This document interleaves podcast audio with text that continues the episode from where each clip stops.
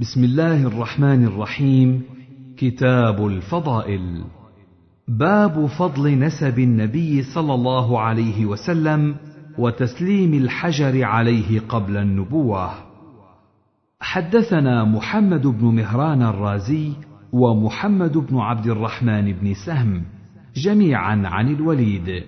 قال ابن مهران حدثنا الوليد بن مسلم حدثنا الأوزاعي عن أبي عمار شداد أنه سمع واثله بن الأسقع يقول سمعت رسول الله صلى الله عليه وسلم يقول إن الله اصطفى كنانة من ولد إسماعيل واصطفى قريشا من كنانة واصطفى من قريش بني هاشم واصطفاني من بني هاشم.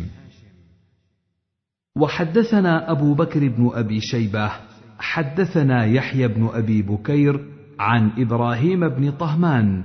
حدثني سماك بن حرب عن جابر بن سمرة قال قال رسول الله صلى الله عليه وسلم إني لأعرف حجرا بمكة كان يسلم علي قبل أن أبعث. إني لأعرفه الآن.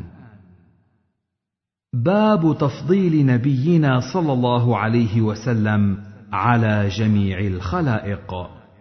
حدثني الحكم بن موسى أبو صالح. حدثنا هقل يعني بن زياد عن الأوزاعي. حدثني أبو عمار. حدثني عبد الله بن فروخ. حدثني أبو هريرة قال قال رسول الله صلى الله عليه وسلم أنا سيد ولد آدم يوم القيامة. وأول من ينشق عنه القبر وأول شافع وأول مشفع.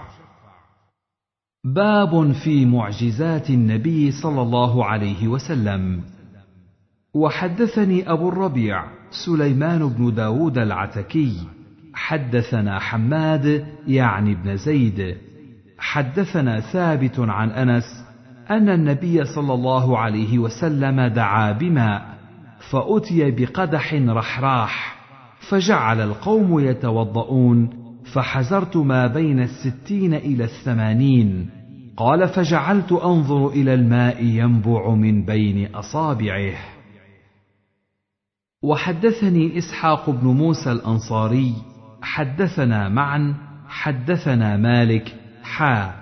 وحدثني أبو الطاهر أخبرنا ابن وهب عن مالك بن أنس عن إسحاق بن عبد الله بن أبي طلحة عن أنس بن مالك أنه قال رأيت رسول الله صلى الله عليه وسلم وحانت صلاة العصر فالتمس الناس الوضوء فلم يجدوه فأتي رسول الله صلى الله عليه وسلم بوضوء فوضع رسول الله صلى الله عليه وسلم في ذلك الإناء يده وأمر الناس أن يتوضاوا منه. قال فرأيت الماء ينبع من تحت أصابعه فتوضأ الناس حتى توضاوا من عند آخرهم. حدثني أبو غسان المسمعي حدثنا معاذ يعني ابن هشام حدثني أبي عن قتادة حدثنا أنس بن مالك أن نبي الله صلى الله عليه وسلم وأصحابه بالزوراء قال والزوراء بالمدينة عند السوق والمسجد فيما ثمه دعا بقدح فيه ماء فوضع كفه فيه فجعل ينبع من بين أصابعه فتوضأ جميع أصحابه. قال قلت كم كانوا يا أبا حمزة؟ قال كانوا زهاء الثلاثمائة. وحدثنا محمد بن المثنى حدثنا محمد بن جعفر حدثنا سعيد عن قتادة عن أنس أن النبي صلى الله عليه وسلم كان بالزوراء فأتي بإناء ماء لا يغمر أصابعه أو قدر ما يواري أصابعه ثم ذكر نحو حديث هشام. وحدثني سلمة بن شبيب حدثنا الحسن بن أعين حدثنا معقل عن أبي الزبير عن جابر. أن أم مالك كانت تهدي للنبي صلى الله عليه وسلم في عكة لها سمنا فيأتيها بنوها فيسألون الادم وليس عندهم شيء فتعمد إلى الذي كانت تهدي فيه للنبي صلى الله عليه وسلم فتجد فيه سمنا فما زال يقيم لها آدم بيتها حتى عصرته. فأتت النبي صلى الله عليه وسلم فقال عصرتها؟ قالت نعم قال لو تركتها ما زال قائما. وحدثني سلمة بن شبيب حدثنا الحسن بن أعين حدثنا معقل عن أبي الزبير عن جابر أن رجلا أتى النبي صلى الله عليه وسلم يستطعمه فأطعمه شطر وسق شعير. فما زال الرجل يأكل منه وامرأته وضيفهما حتى كاله. فأتى النبي صلى الله عليه وسلم فقال لو لم تكله لأكلتم منه ولقام لكم. حدثنا عبد الله بن عبد الرحمن الدارمي حدثنا أبو علي الحنفي حدثنا مالك وهو ابن أنس عن أبي الزبير المكي أن أبا الطفيل عامر بن واثلة اخبره أن معاذ بن جبل اخبره قال خرجنا مع رسول الله صلى الله عليه وسلم عام غزوة تبوك فكان يجمع الصلاة فصلى الظهر والعصر جميعا والمغرب والعشاء جميعا حتى إذا كان يوما أخر الصلاة ثم خرج فصلى الظهر والعصر جميعا ثم دخل ثم خرج بعد ذلك فصلى المغرب والعشاء جميعا. ثم قال إنكم ستأتون غدا إن شاء الله عين تبوك وإنكم لن تأتوها حتى يضحي النهار. فمن جاءها منكم فلا يمس من مائها شيئا حتى آتي. فجئناها وقد سبقنا إليها رجلان والعين مثل الشراك تبض بشيء من ماء. قال فسألهما رسول الله صلى الله عليه وسلم هل مسستما من مائها شيئا؟ قالا نعم. فسبهما النبي صلى الله عليه وسلم وقال لهما ما شاء الله أن يقول. قال ثم غرفوا بأيديهم من العين قليلا قليلا حتى اجتمع في شيء. قال وغسل رسول الله صلى الله عليه وسلم فيه يديه ووجهه ثم أعاده فيها. فجرت العين بماء منهمر أو قال غزير شك أبو علي أيهما قال. حتى استقى الناس ثم قال يوشك يا معاذ إن طالت بك حياة أن ترى ما هاهنا قد ملئ جنانا. حدثنا عبد الله بن مسلمة بن قعنب حدثنا سليمان بن بلال عن عمرو بن يحيى عن عباس بن سهل بن سعد الساعدي عن أبي حميد قال خرجنا مع رسول الله صلى الله عليه وسلم غزوة تبوك فأتينا وادي القرى على حديقة لامرأة فقال رسول الله صلى الله عليه وسلم اخرصوها فخرصناها وخرصها رسول الله صلى الله عليه وسلم عشرة اوسق وقال أحصيها حتى نرجع إليك إن شاء الله. وانطلقنا حتى قدمنا تبوك. فقال رسول الله صلى الله عليه وسلم ستهب عليكم الليلة ريح شديدة فلا يقم فيها أحد منكم. فمن كان له بعير فليشد عقاله. فهبت ريح شديدة. فقام رجل فحملته الريح حتى ألقته بجبلي طيء. وجاء رسول بن العلماء صاحب أيلة إلى رسول الله صلى الله عليه وسلم بكتاب. وأهدى له بغلة بيضاء. فكتب إليه رسول الله صلى الله عليه وسلم وأهدى له بردا. ثم أقبلنا حتى قدمنا وادي القرى. فسأل رسول الله صلى الله عليه وسلم المرأة عن حديقتها كم بلغ ثمرها؟ فقالت عشرة أوسق. فقال رسول الله صلى الله عليه وسلم إني مسرع فمن شاء منكم فليسرع معي ومن شاء فليمكث.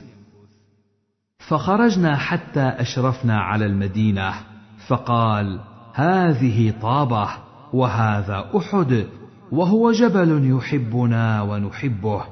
ثم قال إن خير دور الأنصار دار بني النجار ثم دار بني عبد الأشهل ثم دار بني عبد الحارث بن الخزرج ثم دار بني ساعدة. وفي كل دور الأنصار خير. فلحقنا سعد بن عبادة.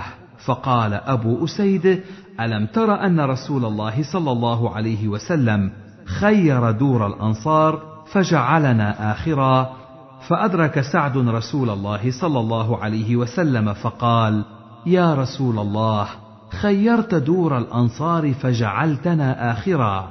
فقال أوليس بحسبكم أن تكونوا من الخيار؟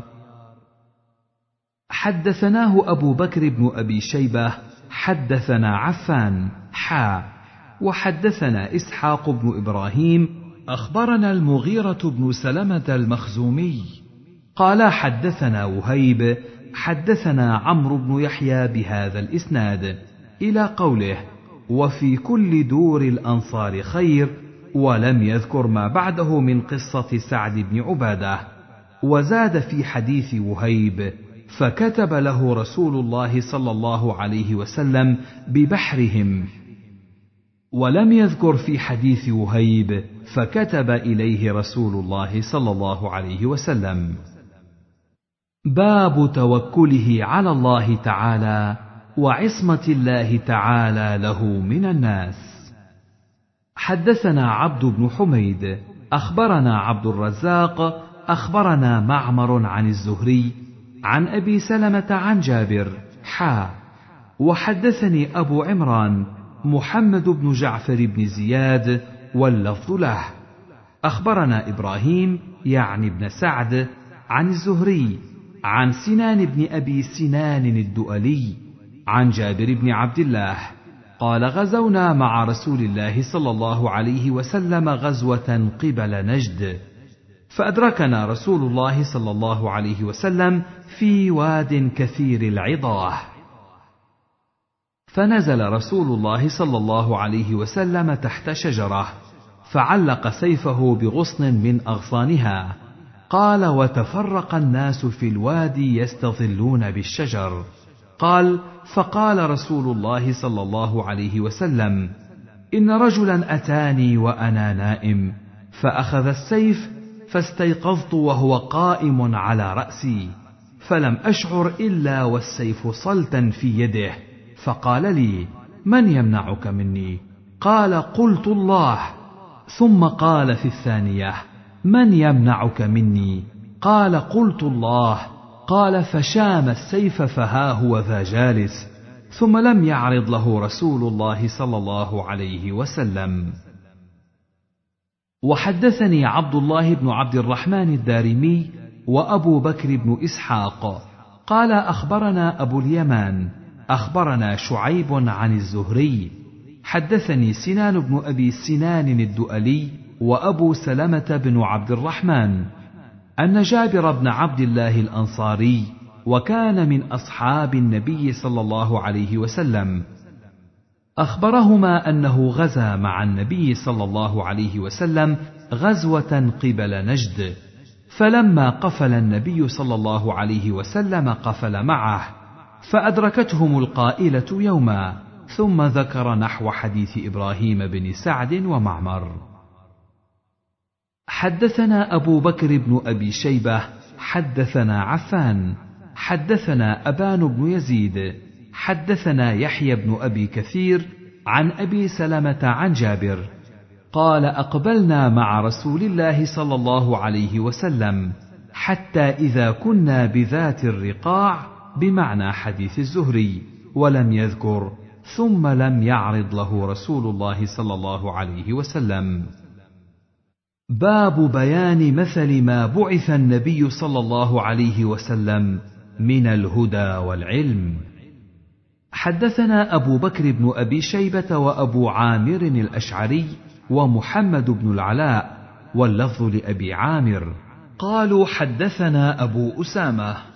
عن بريد عن أبي بردة عن أبي موسى عن النبي صلى الله عليه وسلم قال إن مثل ما بعثني الله به عز وجل من الهدى والعلم كمثل غيث أصاب أرضا فكانت منها طائفة طيبة قبلت الماء فأنبتت الكلأ والعشب الكثير وكان منها أجادب أمسكت الماء فنفع الله بها الناس فشربوا منها وسقوا ورعوا وأصاب طائفة منها أخرى إنما هي قيعان لا تمسك ماء ولا تنبت كلا.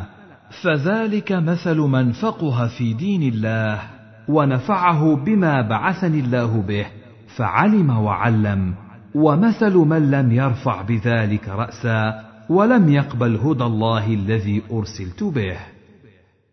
باب شفقته صلى الله عليه وسلم على أمته ومبالغته في تحذيرهم مما يضرهم. حدثنا عبد الله بن براد الأشعري وأبو كريب واللفظ لأبي كريب. قال حدثنا أبو أسامة عن بريد عن أبي بردة عن أبي موسى عن النبي صلى الله عليه وسلم قال إن مثلي ومثل ما بعثني الله به كمثل رجل أتى قومه فقال يا قوم إني رأيت الجيش بعيني وإني أنا النذير العريان فالنجاء. فأطاعه طائفة من قومه فأدلجوا فانطلقوا على مهلتهم. وكذبت طائفه منهم فأصبحوا مكانهم فصبحهم الجيش فأهلكهم واجتاحهم. فذلك مثل من أطاعني واتبع ما جئت به ومثل من عصاني وكذب ما جئت به من الحق. وحدثنا قتيبة بن سعيد حدثنا المغيرة بن عبد الرحمن القرشي عن أبي الزناد عن الأعرج عن أبي هريرة قال قال رسول الله صلى الله عليه وسلم إنما مثلي ومثل أمتي كمثل رجل استوقد نارا فجعلت الدواب والفراش يقعن فيه. فأنا آخذ بحجزكم وأنتم تقحمون فيه. وحدثناه عمرو الناقد وابن أبي عمر قال حدثنا سفيان عن أبي الزناد بهذا الإسناد نحوه. حدثنا محمد بن رافع حدثنا عبد الرزاق أخبرنا معمر عن همام بن منبه. قال هذا ما حدثنا أبو هريرة عن رسول الله صلى الله عليه وسلم فذكر أحاديث منها. وقال رسول الله صلى الله عليه وسلم مثلي كمثل رجل استوقد نارا فلما أضاءت ما حولها جعل الفراش وهذه الدواب التي في النار يقعن فيها وجعل يحجزهن ويغلبنه فيتقحمن فيها. قال فذلكم مثلي ومثلكم أنا آخذ بحجزكم عن النار هلم عن النار هلم عن النار فتغلبوني تقحمون فيها. حدثني محمد بن حاتم حدثنا ابن مهدي حدثنا سليم عن سعيد بن ميناء عن جابر قال قال رسول الله صلى الله عليه وسلم مثلي ومثلكم كمثل رجل أوقد نارا فجعل الجنادب والفراش يقعن فيها وهو يذبهن عنها وأنا آخذ بحجزكم عن النار وأنتم تفلتون من يدي. باب ذكر كونه صلى الله عليه وسلم. خاتم النبيين. حدثنا عمرو بن محمد الناقد حدثنا سفيان بن عيينة عن أبي الزناد عن الأعرج عن أبي هريرة عن النبي صلى الله عليه وسلم قال مثلي ومثل الأنبياء كمثل رجل بنى بنيانا فأحسنه وأجمله فجعل الناس يطيفون به يقولون ما رأينا بنيانا أحسن من هذا إلا هذه اللبنة فكنت أنا تلك اللبنة. وحدثنا محمد بن رافع حدثنا عبد الرزاق حدثنا معمر عن همام بن منبه. قال هذا ما حدثنا أبو هريرة عن رسول الله صلى الله عليه وسلم فذكر أحاديث منها. وقال أبو القاسم صلى الله عليه وسلم مثلي ومثل الأنبياء من قبلي كمثل رجل ابتنى بيوتا فأحسنها وأجملها وأكملها إلا موضع لبنة من زاوية من زواياها فجعل الناس يطوفون ويعجبهم البنيان فيقولون ألا وضعتها هنا لبنة فيتم بنيانك فقال محمد صلى الله عليه وسلم فكنت أنا اللبنة. وحدثنا يحيى بن أيوب وقتيبة وابن حجر قالوا حدثنا إسماعيل يعنون بن جعفر عن عبد الله بن دينار عن أبي صالح السمان عن أبي هريرة أن رسول الله صلى الله عليه وسلم قال مثلي ومثل الأنبياء من قبلي كمثل رجل بنى بنيانا فأحسنه وأجمله إلا موضع لبنة من زاوية من زواياه فجعل الناس يطوفون به ويعجبون له ويقولون هل لا وضعت هذه اللبنة؟ قال فأنا اللبنة وأنا خاتم النبيين. حدثنا أبو بكر بن أبي شيبة وأبو كريب قال حدثنا أبو معاوية عن الأعمش عن أبي صالح عن أبي سعيد قال قال رسول الله صلى الله عليه وسلم مثلي ومثل النبيين فذكر نحوه. حدثنا أبو بكر بن أبي شيبة حدثنا عفان حدثنا سليم بن حيان حدثنا سعيد بن ميناء عن جابر عن النبي صلى الله عليه وسلم قال مثلي ومثل الأنبياء كمثل رجل بنى دارا فأتمها وأكملها إلا موضع لبنة فجعل الناس يدخلونها ويتعجبون منها ويقولون لولا موضع اللبنة. قال رسول الله صلى الله عليه وسلم فأنا موضع اللبنة جئت فختمت الأنبياء. وحدثنيه محمد بن حاتم. حدثنا ابن مهدي حدثنا سليم بهذا الإسناد مثله وقال بدل أتمها أحسنها. باب إذا أراد الله تعالى رحمة أمة قبض نبيها قبلها. قال مسلم وحدثت عن أبي أسامة وممن روى ذلك عنه إبراهيم بن سعيد الجوهري. حدثنا أبو أسامة حدثني بريد بن عبد الله عن أبي بردة عن أبي موسى عن النبي صلى الله عليه وسلم قال إن الله عز وجل إذا أراد رحمة أمة من عباده قبض نبيها قبلها فجعله لها فرطا وسلفا بين يديها وإذا أراد هلكة أمة عذبها ونبيها حي. فأهلكها وهو ينظر فأقر عينه بهلكتها حين كذبوه وعصوا أمره. باب إثبات حوض نبينا صلى الله عليه وسلم وصفاته. حدثني أحمد بن عبد الله بن يونس حدثنا زائدة حدثنا عبد الملك بن عمير قال سمعت جندبا يقول سمعت النبي صلى الله عليه وسلم يقول أنا فرطكم على الحوض. حدثنا أبو بكر بن أبي شيبة حدثنا وكيع حا. وحدثنا أبو كريب حدثنا ابن بشر جميعا عن مسعر حا. وحدثنا عبيد الله بن معاذ حدثنا أبي حا. وحدثنا محمد بن المثنى حدثنا محمد بن جعفر قال حدثنا شعبة كلاهما عن عبد الملك بن عمير عن جندب عن النبي صلى الله عليه وسلم بمثله. حدثنا قتيبة بن سعيد حدثنا يعقوب يعني ابن عبد الرحمن القاري عن أبي حازم قال سمعت سهلا يقول سمعت النبي صلى الله عليه وسلم يقول أنا فرطكم على الحوض. من ورد شرب ومن شرب لم يظما أبدا. وليردن علي أقوام أعرفهم ويعرفوني ثم يحال بيني وبينهم. قال أبو حازم فسمع النعمان بن أبي عياش وأنا أحدثهم هذا الحديث. فقال هكذا سمعت سهلا يقول قال فقلت نعم. قال وأنا أشهد على أبي سعيد الخدري لسمعته يزيد فيقول إنهم مني. فيقال إنك لا تدري ما عملوا بعدك. فأقول سحقا سحقا لمن بدل بعدي.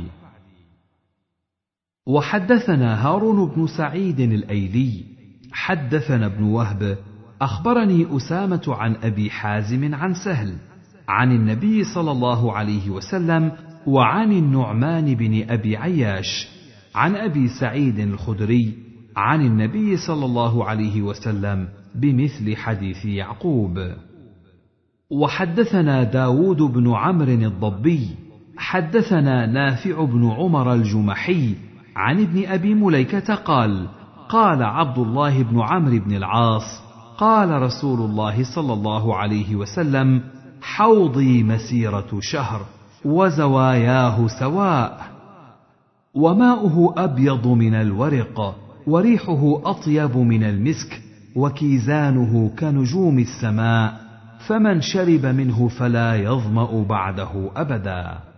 قال وقالت أسماء بنت أبي بكر قال رسول الله صلى الله عليه وسلم إني على الحوض حتى أنظر من يرد علي منكم وسيؤخذ أناس دوني. فأقول يا رب مني ومن أمتي. فيقال أما شعرت ما عملوا بعدك؟ والله ما برحوا بعدك يرجعون على أعقابهم. قال فكان ابن أبي مليكة يقول اللهم إنا نعوذ بك أن نرجع على أعقابنا أو أن نفتن عن ديننا. وحدثنا ابن أبي عمر حدثنا يحيى بن سليم عن ابن خثيم عن عبد الله بن عبيد الله بن أبي مليكة أنه سمع عائشة تقول سمعت رسول الله صلى الله عليه وسلم يقول وهو بين ظهراني أصحابه إني على الحوض أنتظر من يرد علي منكم. فوالله ليقتطعن دوني رجال فلأقولن أي رب مني ومن أمتي. فيقول إنك لا تدري ما عملوا بعدك ما زالوا يرجعون على أعقابهم. وحدثني يونس بن عبد الأعلى الصدفي أخبرنا عبد الله بن وهب أخبرني عمرو وهو ابن الحارث. أن بكيرا حدثه عن القاسم بن عباس الهاشمي عن عبد الله بن رافع مولى أم سلمة عن أم سلمة زوج النبي صلى الله عليه وسلم أنها قالت كنت أسمع الناس يذكرون الحوض ولم أسمع ذلك من رسول الله صلى الله عليه وسلم فلما كان يوما من ذلك والجارية تمشطني فسمعت رسول الله صلى الله عليه وسلم يقول أيها الناس فقلت للجارية استأخري عني. قالت إنما دعا الرجال ولم يدع النساء. فقلت إني من الناس. فقال رسول الله صلى الله عليه وسلم إني لكم فرط على الحوض فإياي لا يأتين أحدكم فيذب عني كما يذب البعير الضال. فأقول فيم هذا فيقال إنك لا تدري ما أحدث بعدك فأقول سحقا. وحدثني أبو معن الرقاشي وأبو بكر بن نافع وعبد بن حميد قالوا حدثنا أبو عامر وهو عبد الملك بن عمرو حدثنا أفلح بن سعيد حدثنا عبد الله بن رافع قال كانت أم سلمة تحدث أنها سمعت النبي صلى الله عليه وسلم يقول على المنبر وهي تمتشط أيها الناس فقالت لماشطتها كفي رأسي بنحو حديث بكير عن القاسم بن عباس. حدثنا قتيبة بن سعيد حدثنا ليث عن يزيد بن أبي حبيب عن أبي الخير عن عقبة بن عامر أن رسول الله صلى الله عليه وسلم خرج يوما فصلى على أهل أحد صلاته على الميت ثم انصرف إلى المنبر فقال إني فرط لكم وأنا شهيد عليكم وإني والله لأنظر إلى حوضي الآن وإني قد أعطيت مفاتيح خزائن الأرض أو مفاتيح الأرض وإني والله ما أخاف عليكم أن تشركوا بعدي ولكن أخاف عليكم أن تتنافسوا فيها. وحدثنا محمد بن المثنى حدثنا وهب يعني بن جرير حدثنا أبي قال سمعت يحيى بن أيوب يحدث عن يزيد بن أبي حبيب عن مرثد عن عقبة بن عامر قال صلى رسول الله صلى الله عليه وسلم على قتلى أحد ثم صعد المنبر كالمودع للأحياء والأموات فقال إني فرطكم على الحوض وإن عرضه كما بين أيلة إلى الجحفة إني لست أخشى عليكم أن تشركوا بعدي ولكني أخشى عليكم الدنيا أن تنافسوا فيها. وتقتتلوا فتهلكوا كما هلك من كان قبلكم. قال عقبة فكانت آخر ما رأيت رسول الله صلى الله عليه وسلم على المنبر. حدثنا أبو بكر بن أبي شيبة وأبو كريب وابن نمير. قالوا حدثنا أبو معاوية عن الأعمش عن شقيق عن عبد الله قال قال رسول الله صلى الله عليه وسلم أنا فرطكم على الحوض ولأنازعن أقواما ثم لأغلبن عليهم. فأقول يا رب أصحابي أصحابي فيقال إنك لا تدري ما احدثوا بعدك. وحدثناه عثمان بن أبي شيبة وإسحاق بن إبراهيم عن جرير عن الأعمش بهذا الإسناد. ولم يذكر أصحابي أصحابي. حدثنا عثمان بن أبي شيبة وإسحاق بن إبراهيم كلاهما عن جرير. حا. وحدثنا ابن المثنى. حدثنا محمد بن جعفر. حدثنا شعبة جميعا عن مغيرة عن أبي وائل عن عبد الله عن النبي صلى الله عليه وسلم بنحو حديث الأعمش. وفي حديث شعبة عن مغيرة سمعت أبا وائل. وحدثناه سعيد بن عمرو الأشعثي أخبرنا عبثر حا. وحدثنا أبو بكر بن أبي شيبة حدثنا ابن فضيل كلاهما عن حسين عن أبي وائل عن حذيفة عن النبي صلى الله عليه وسلم نحو حديث الأعمش ومغيرة. حدثني محمد بن عبد الله بن بزيع. حدثنا ابن أبي عدي عن شعبة عن معبد بن خالد عن حارثة أنه سمع النبي صلى الله عليه وسلم قال حوضه ما بين صنعاء والمدينة فقال له المستورد ألم تسمعه قال الاواني قال لا فقال المستورد ترى فيه الآنية مثل الكواكب وحدثني إبراهيم بن محمد بن عرعرة حدثنا حرمي بن عمارة حدثنا شعبة عن معبد بن خالد أنه سمع حارثة بن وهب الخزاعي يقول سمعت رسول الله صلى الله عليه وسلم يقول وذكر الحوض بمثله ولم يذكر قول المستورد وقوله.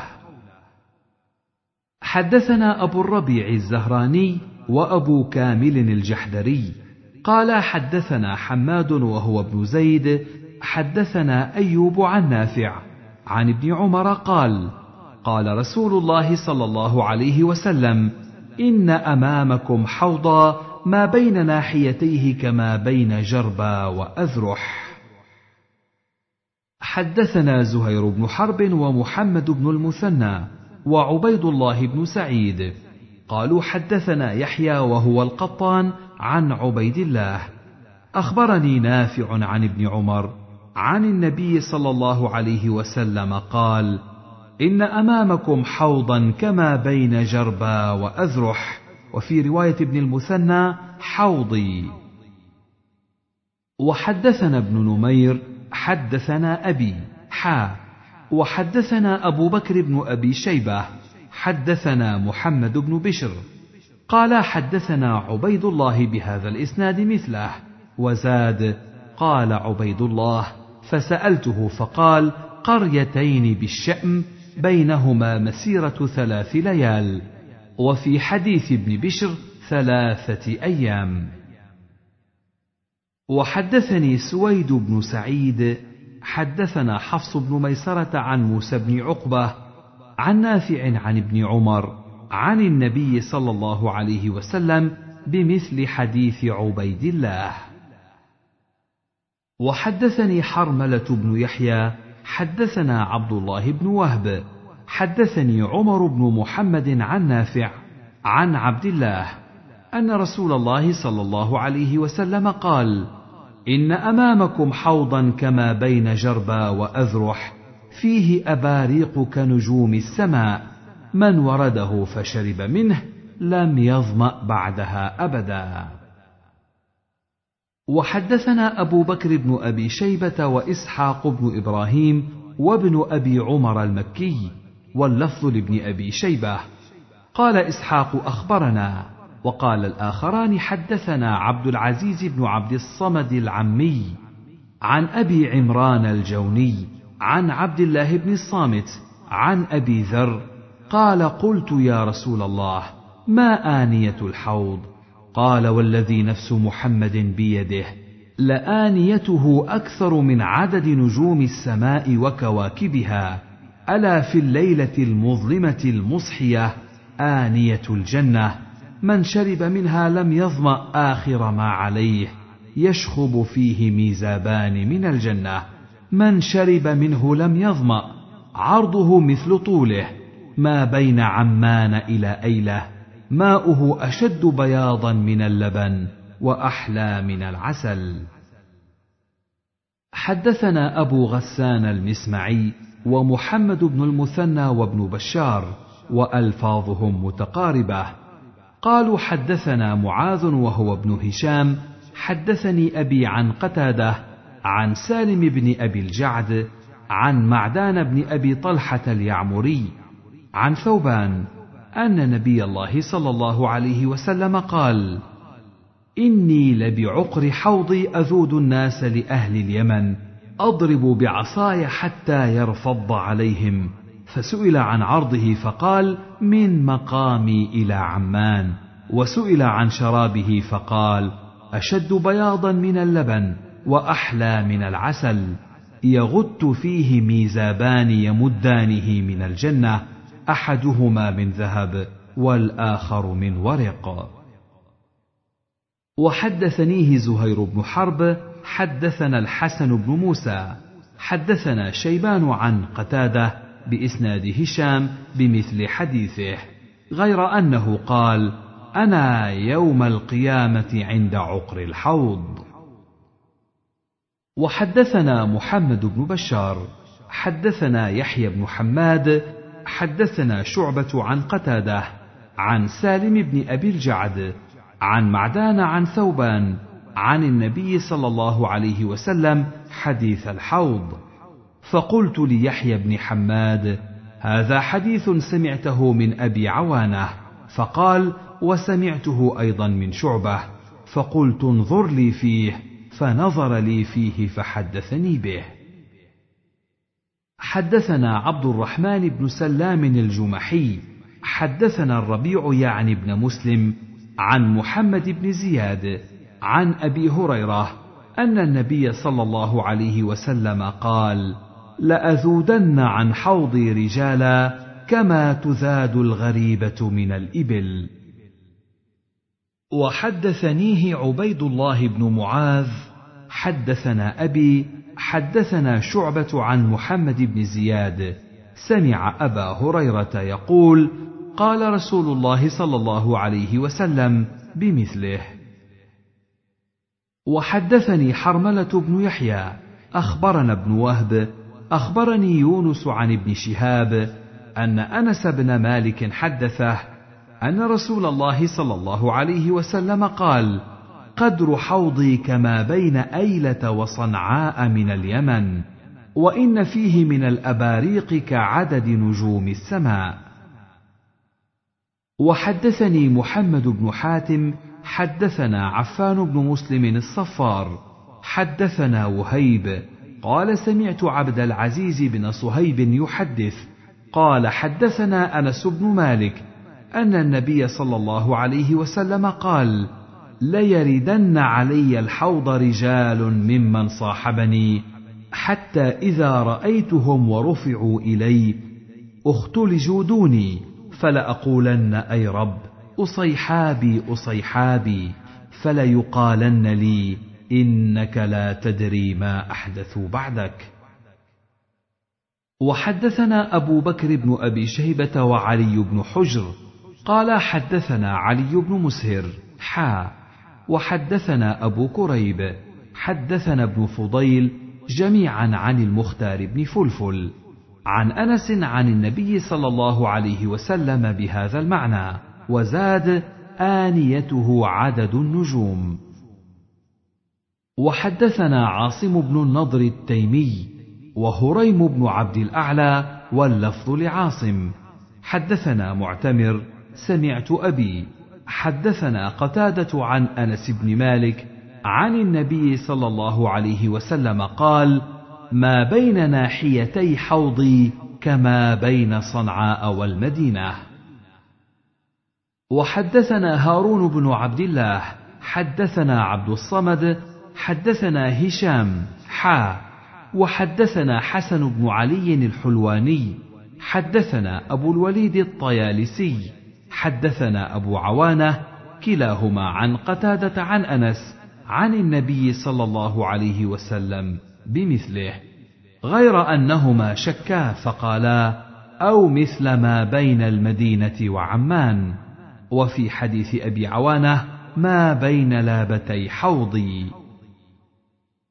وحدثني يحيى بن حبيب الحارثي ومحمد بن عبد الله الرزي قال حدثنا خالد بن الحارث عن سعيد عن قتادة قال قال أنس قال نبي الله صلى الله عليه وسلم ترى فيه أباريق الذهب والفضة كعدد نجوم السماء.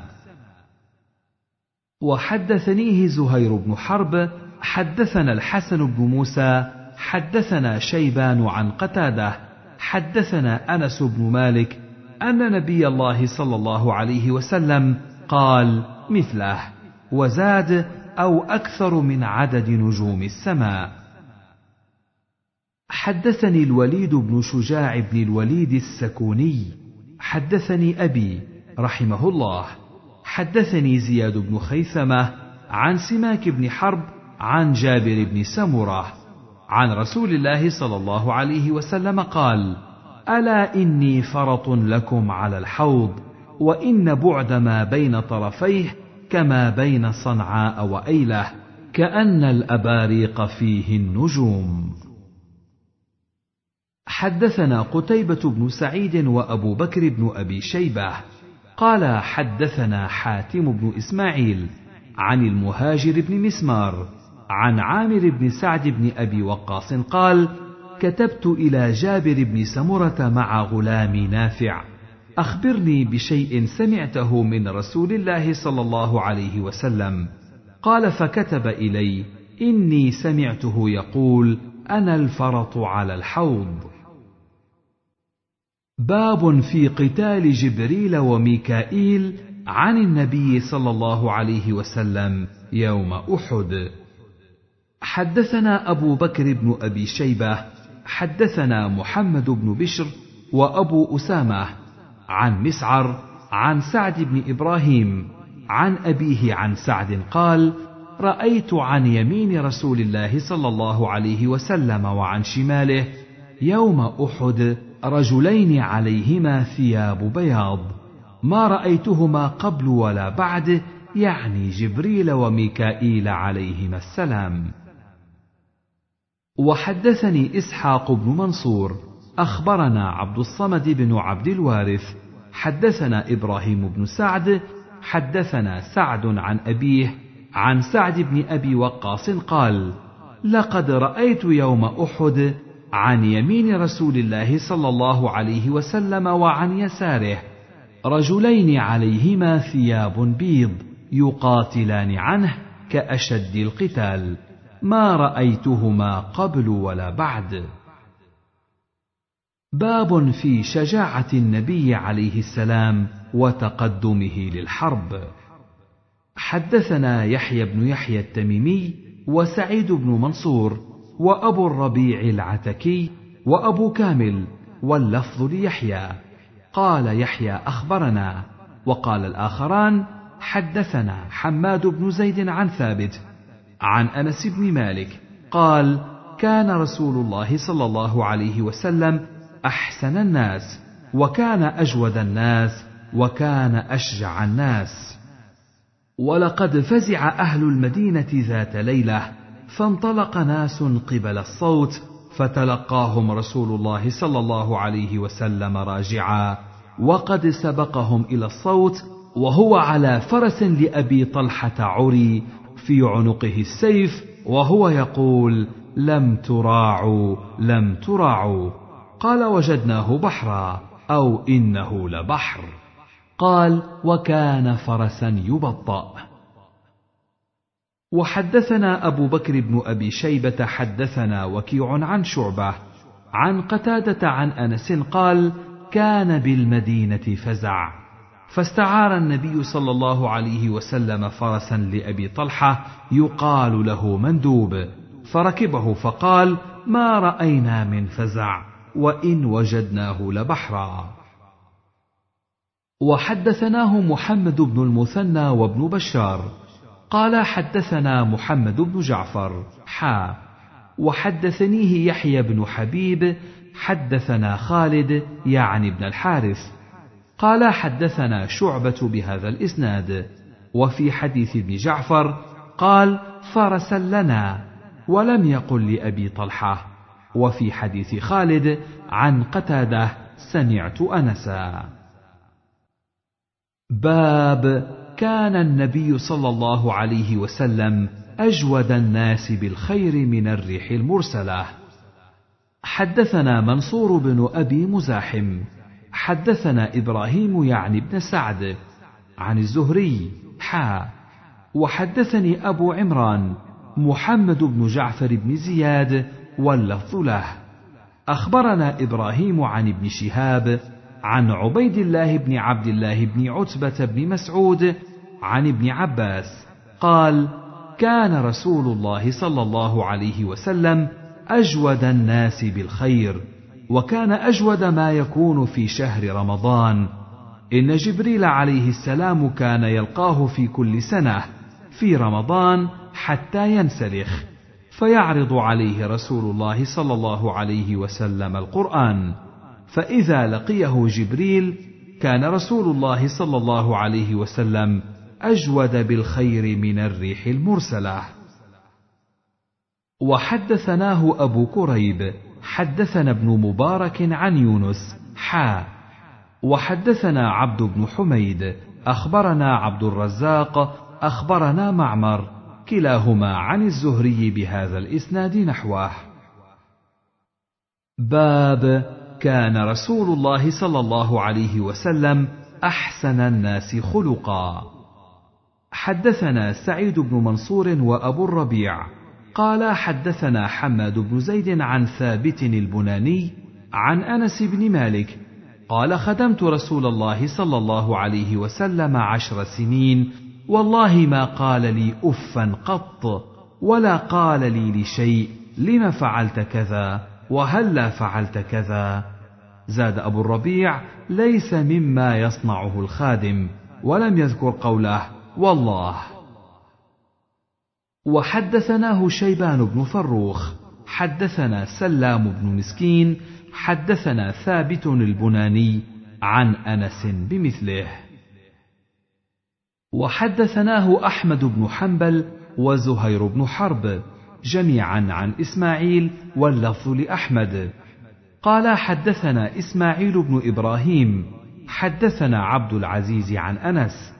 قال لما قدم رسول الله صلى الله عليه وسلم المدينة أخذ أبو طلحة بيدي فانطلق بي إلى رسول الله صلى الله عليه وسلم فقال يا رسول الله إن انسا غلام كيس فليخدمك. قال فخدمته في السفر والحضر والله ما قال لي لشيء صنعته لم صنعت هذا هكذا ولا لشيء لم أصنعه. لم لم تصنع هذا هكذا؟ حدثنا أبو بكر بن أبي شيبة وابن نمير قال حدثنا محمد بن بشر حدثنا زكريا حدثني سعيد وهو ابن أبي بردة. عن أنس قال خدمت رسول الله صلى الله عليه وسلم تسع سنين. فما أعلمه قال لي قط لم فعلت كذا وكذا؟ ولا عاب علي شيئا قط. حدثني أبو معن الرقاشي زيد بن يزيد. أخبرنا عمر بن يونس. حدثنا عكرمة وهو ابن عمار. قال قال إسحاق قال أنس كان رسول الله صلى الله عليه وسلم من أحسن الناس خلقا. فأرسلني يوما لحاجة فقلت والله لا أذهب. وفي نفسي أن أذهب لما أمرني به نبي الله صلى الله عليه وسلم. فخرجت حتى أمر على صبيان وهم يلعبون في السوق. فإذا رسول الله صلى الله عليه وسلم قد قبض بقفاي من ورائي. قال فنظرت إليه وهو يضحك. فقال يا أنيس أذهبت حيث أمرتك؟ قال قلت نعم أنا أذهب يا رسول الله. قال أنس والله لقد خدمته تسع سنين ما علمته قال لشيء صنعته لم فعلت كذا وكذا أو لشيء تركته هلا فعلت كذا وكذا. وحدثنا شيبان بن فروخ وأبو الربيع قال حدثنا عبد الوارث عن أبي التياح عن أنس بن مالك قال كان رسول الله صلى الله عليه وسلم أحسن الناس خلقا. باب ما سئل رسول الله صلى الله عليه وسلم شيئا قط فقال لا وكثرة عطائه. حدثنا أبو بكر بن أبي شيبة وعمر الناقد. قال حدثنا سفيان بن عيينة عن ابن المنكدر. سمع جابر بن عبد الله قال ما سئل رسول الله صلى الله عليه وسلم شيئا قط فقال لا. وحدثنا أبو كريب حدثنا الأشجعي حا. وحدثني محمد بن المثنى حدثنا عبد الرحمن يعني ابن مهدي. كلاهما عن سفيان عن محمد بن المنكدر. قال سمعت جابر بن عبد الله يقول مثله سواء. وحدثنا عاصم بن النضر التيمي حدثنا خالد يعني ابن الحارث. حدثنا حميد عن موسى بن أنس عن أبيه قال ما سئل رسول الله صلى الله عليه وسلم على الإسلام شيئا إلا أعطاه. قال فجاءه رجل فأعطاه غنما بين جبلين فرجع إلى قومه فقال يا قوم أسلموا فإن محمدا يعطي عطاء لا يخشى الفاقة. حدثنا أبو بكر بن أبي شيبة حدثنا يزيد بن هارون عن حماد بن سلمة عن ثابت عن أنس أن رجلا سأل النبي صلى الله عليه وسلم غنما بين جبلين فأعطاه إياه فأتى قومه فقال أي قوم أسلموا؟ فوالله إن محمدا ليعطي عطاء ما يخاف الفقر. فقال أنس إن كان الرجل ليسلم ما يريد إلا الدنيا فما يسلم حتى يكون الإسلام أحب إليه من الدنيا وما عليها. وحدثني أبو الطاهر أحمد بن عمرو بن سرح أخبرنا عبد الله بن وهب أخبرني يونس عن ابن شهاب قال غزا رسول الله صلى الله عليه وسلم غزوة الفتح فتح مكة. ثم خرج رسول الله صلى الله عليه وسلم بمن معه من المسلمين فاقتتلوا بحنين. فنصر الله دينه والمسلمين. وأعطى رسول الله صلى الله عليه وسلم يومئذ صفوان بن أمية مئة من النعم ثم مئة ثم مئة.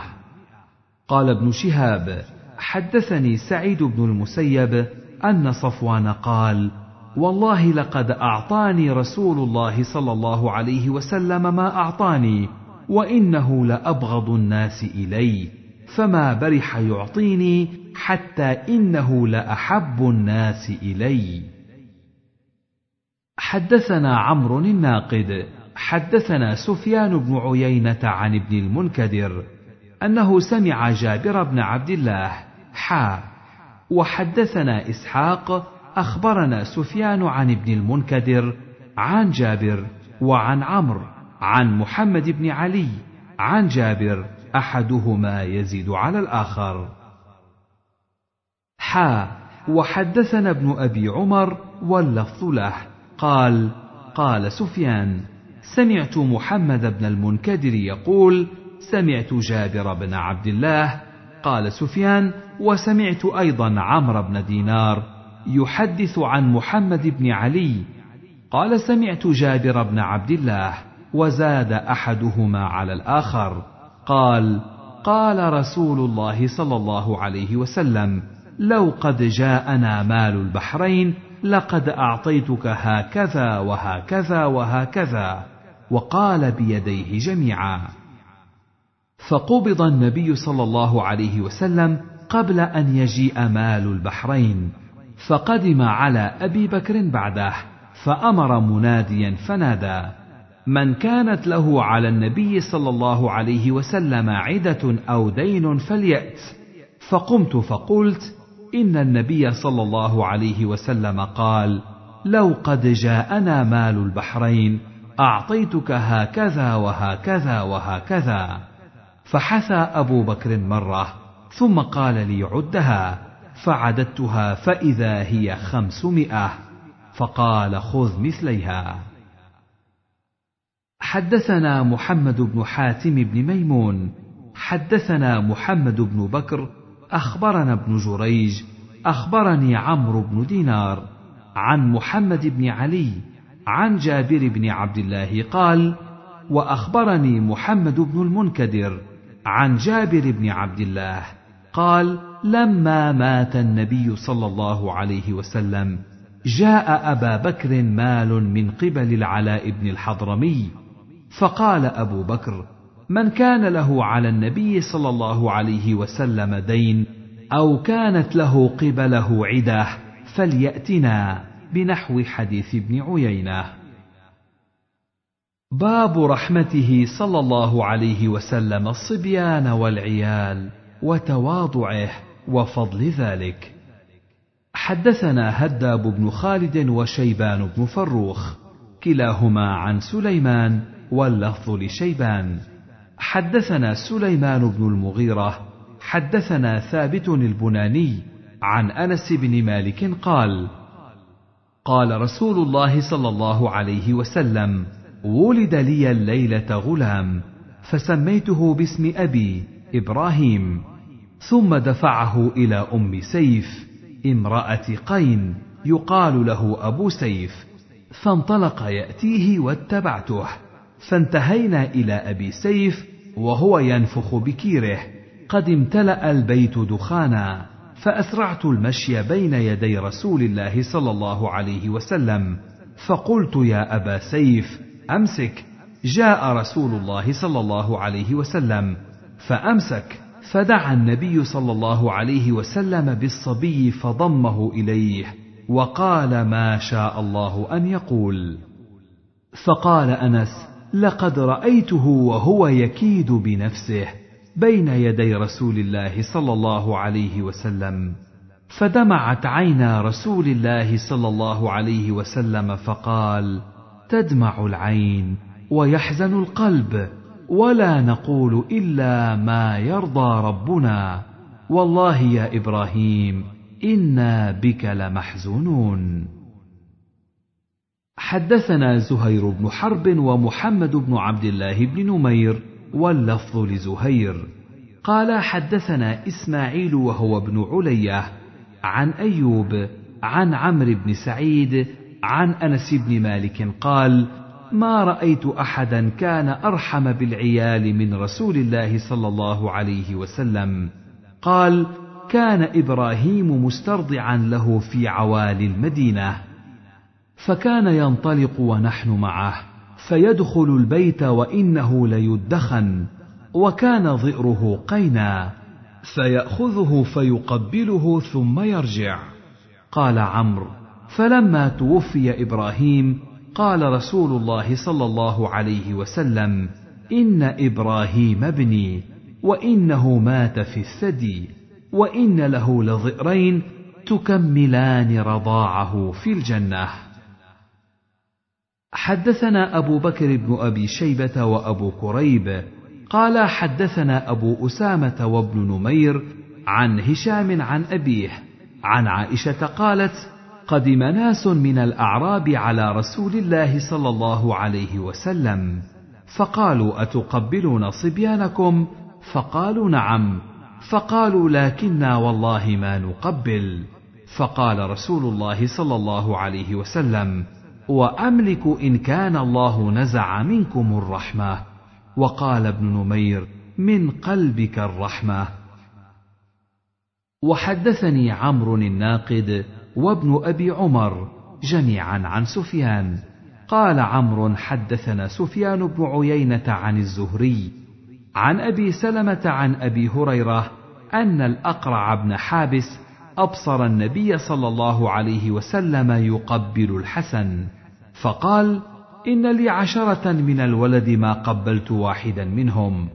فقال رسول الله صلى الله عليه وسلم إنه من لا يرحم. لا يرحم. حدثنا عبد بن حميد أخبرنا عبد الرزاق أخبرنا معمر عن الزهري. حدثني أبو سلمة عن أبي هريرة عن النبي صلى الله عليه وسلم بمثله. حدثنا زهير بن حرب وإسحاق بن إبراهيم كلاهما عن جرير. حا. وحدثنا إسحاق بن إبراهيم وعلي بن خشرم قال أخبرنا عيسى بن يونس حا وحدثنا أبو كريب محمد بن العلاء حدثنا أبو معاوية حا وحدثنا أبو سعيد الأشج حدثنا حفص يعني ابن غياث كلهم عن الأعمش. عن زيد بن وهب وأبي ظبيان عن جرير بن عبد الله قال قال رسول الله صلى الله عليه وسلم من لا يرحم الناس لا يرحمه الله عز وجل. وحدثنا أبو بكر بن أبي شيبة حدثنا وكيع وعبد الله بن نمير عن إسماعيل عن قيس عن جرير عن النبي صلى الله عليه وسلم حا. وحدثنا أبو بكر بن أبي شيبة وابن أبي عمر وأحمد بن عبده. قالوا حدثنا سفيان عن عمرو عن نافع بن جبير عن جرير عن النبي صلى الله عليه وسلم بمثل حديث الأعمش. باب كثرة حيائه صلى الله عليه وسلم. حدثني عبيد الله بن معاذ حدثنا أبي حدثنا شعبة عن قتادة سمع عبد الله بن أبي عتبة يحدث عن أبي سعيد الخدري. حا. وحدثنا زهير بن حرب ومحمد بن المثنى وأحمد بن سنان. قال زهير حدثنا عبد الرحمن بن مهدي عن شعبة عن قتادة.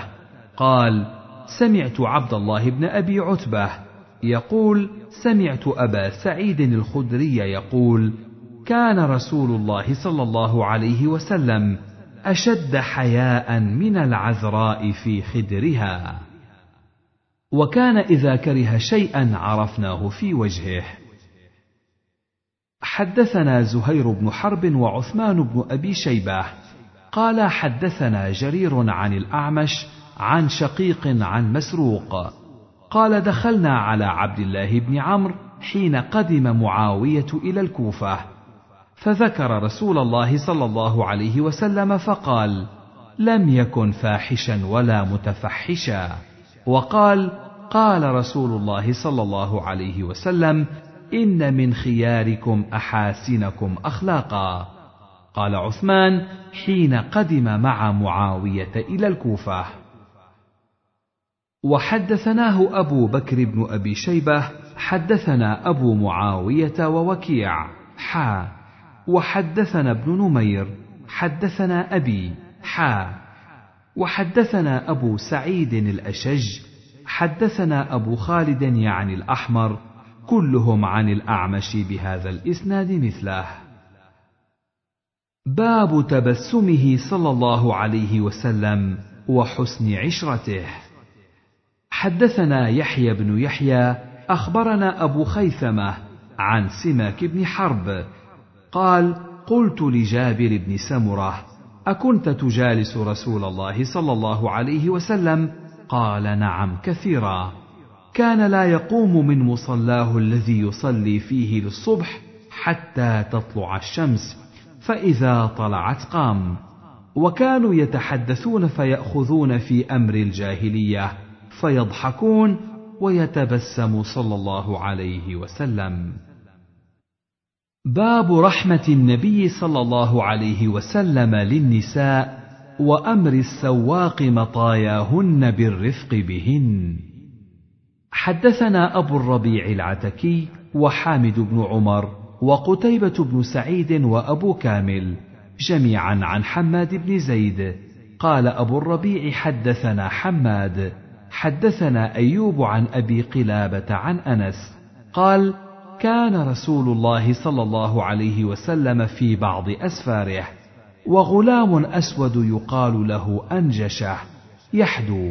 فقال له رسول الله صلى الله عليه وسلم يا أنجشة رويدك سوقا بالقوارير. وحدثنا أبو الربيع العتكي وحامد بن عمر وأبو كامل قالوا حدثنا حماد عن ثابت عن أنس بنحوه. وحدثني عمرو الناقد وزهير بن حرب كلاهما عن ابن عليه قال زهير حدثنا إسماعيل. حدثنا أيوب عن أبي قلابة. عن أنس أن النبي صلى الله عليه وسلم أتى على أزواجه وسواق يسوق بهن يقال له أنجشة. فقال ويحك يا أنجشة. رويدا سوقك بالقوارير. قال قال أبو قلابة تكلم رسول الله صلى الله عليه وسلم بكلمة لو تكلم بها بعضكم لعبتموها عليه. وحدثنا يحيى بن يحيى أخبرنا يزيد بن زريع عن سليمان التيمي عن أنس بن مالك حا وحدثنا أبو كامل حدثنا يزيد حدثنا التيمي عن أنس بن مالك قال كانت أم سليم مع نساء النبي صلى الله عليه وسلم وهن يسوق بهن سواق. فقال نبي الله صلى الله عليه وسلم أي أنجشة رويدا سوقك بالقوارير. وحدثنا ابن المثنى حدثنا عبد الصمد حدثني همام حدثنا قتادة عن أنس قال كان لرسول الله صلى الله عليه وسلم حاد حسن الصوت فقال له رسول الله صلى الله عليه وسلم رويدا يا انجشه لا تكسر القوارير يعني ضعفة النساء. وحدثناه ابن بشار حدثنا أبو داود حدثنا هشام عن قتادة عن أنس عن النبي صلى الله عليه وسلم ولم يذكر حاد حسن الصوت. باب قرب النبي عليه السلام من الناس وتبركهم به. حدثنا مجاهد بن موسى وأبو بكر بن النضر بن أبي النضر وهارون بن عبد الله جميعا عن أبي النضر قال أبو بكر حدثنا أبو النضر يعني هاشم بن القاسم. حدثنا سليمان بن المغيرة عن ثابت عن أنس بن مالك قال كان رسول الله صلى الله عليه وسلم إذا صلى الغداة جاء خدم المدينة بآنيتهم فيها الماء فما يؤتى بإناء إلا غمس يده فيها فربما جاءوه في الغداة الباردة فيغمس يده فيها. حدثنا محمد بن رافع حدثنا أبو النضر حدثنا سليمان عن ثابت عن أنس قال لقد رأيت رسول الله صلى الله عليه وسلم والحلاق يحلقه وأطاف به أصحابه فما يريدون أن تقع شعرة إلا في يد رجل. وحدثنا أبو بكر بن أبي شيبة حدثنا يزيد بن هارون عن حماد بن سلمة عن ثابت عن أنس أن امرأة كان في عقلها شيء فقالت يا رسول الله إن لي إليك حاجة فقال يا أم فلان انظري أي السكك شئت حتى أقضي لك حاجتك فخلا معها في بعض الطرق حتى فرغت من حاجتها. باب مباعدته صلى الله عليه وسلم للآثام واختياره من المباح أسهله وانتقامه لله عند انتهاك حرماته. حدثنا قتيبة بن سعيد عن مالك بن أنس فيما قرئ عليه. حا. وحدثنا يحيى بن يحيى قال قرأت على مالك عن ابن شهاب عن عروة بن الزبير عن عائشة زوج النبي صلى الله عليه وسلم أنها قالت: ما خير رسول الله صلى الله عليه وسلم بين أمرين إلا أخذ أيسرهما ما لم يكن إثما، فإن كان إثما كان أبعد الناس منه، وما انتقم رسول الله صلى الله عليه وسلم لنفسه إلا أن تنتهك حرمة الله عز وجل. وحدثنا زهير بن حرب وإسحاق بن إبراهيم جميعا عن جرير حا وحدثنا أحمد بن عبده حدثنا فضيل بن عياض كلاهما عن منصور عن محمد في رواية فضيل بن شهاب وفي رواية جرير محمد الزهري عن عروة عن عائشة. وحدثنيه حرملة بن يحيى أخبرنا ابن وهب أخبرني يونس عن ابن شهاب بهذا الإسناد نحو حديث مالك. حدثنا أبو كريب حدثنا أبو أسامة عن هشام عن أبيه عن عائشة قالت ما خير رسول الله صلى الله عليه وسلم بين أمرين أحدهما أيسر من الآخر إلا اختار أيسرهما ما لم يكن إثما فإن كان إثما كان أبعد الناس منه. وحدثناه أبو كريب وابن نمير جميعا عن عبد الله بن نمير عن هشام بهذا الإسناد إلى قوله: أيسرهما ولم يذكرا ما بعده. حدثناه أبو كريب حدثنا أبو أسامة عن هشام عن أبيه عن عائشة قالت: ما ضرب رسول الله صلى الله عليه وسلم شيئا قط بيده ولا امرأة ولا خادما إلا أن يجاهد في سبيل الله وما نيل منه شيء قط فينتقم من صاحبه إلا أن ينتهك شيء من محارم الله فينتقم لله عز وجل. وحدثنا أبو بكر بن أبي شيبة وابن نمير قال حدثنا عبدة ووكيع. حا. وحدثنا أبو كريب. حدثنا أبو معاوية.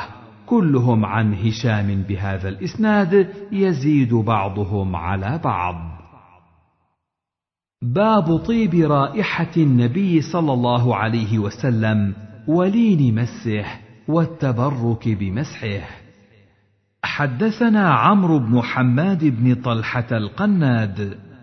حدثنا أسباط وهو ابن نصر الهمداني عن سماك عن جابر بن سمرة قال صليت مع رسول الله صلى الله عليه وسلم صلاة الأولى ثم خرج إلى أهله وخرجت معه فاستقبله ولدان فجعل يمسح خدي أحدهم واحدا واحدا قال وأما أنا فمسح خدي قال فوجدت ليده بردا أو ريحا كأنما أخرجها من جؤنة عطار.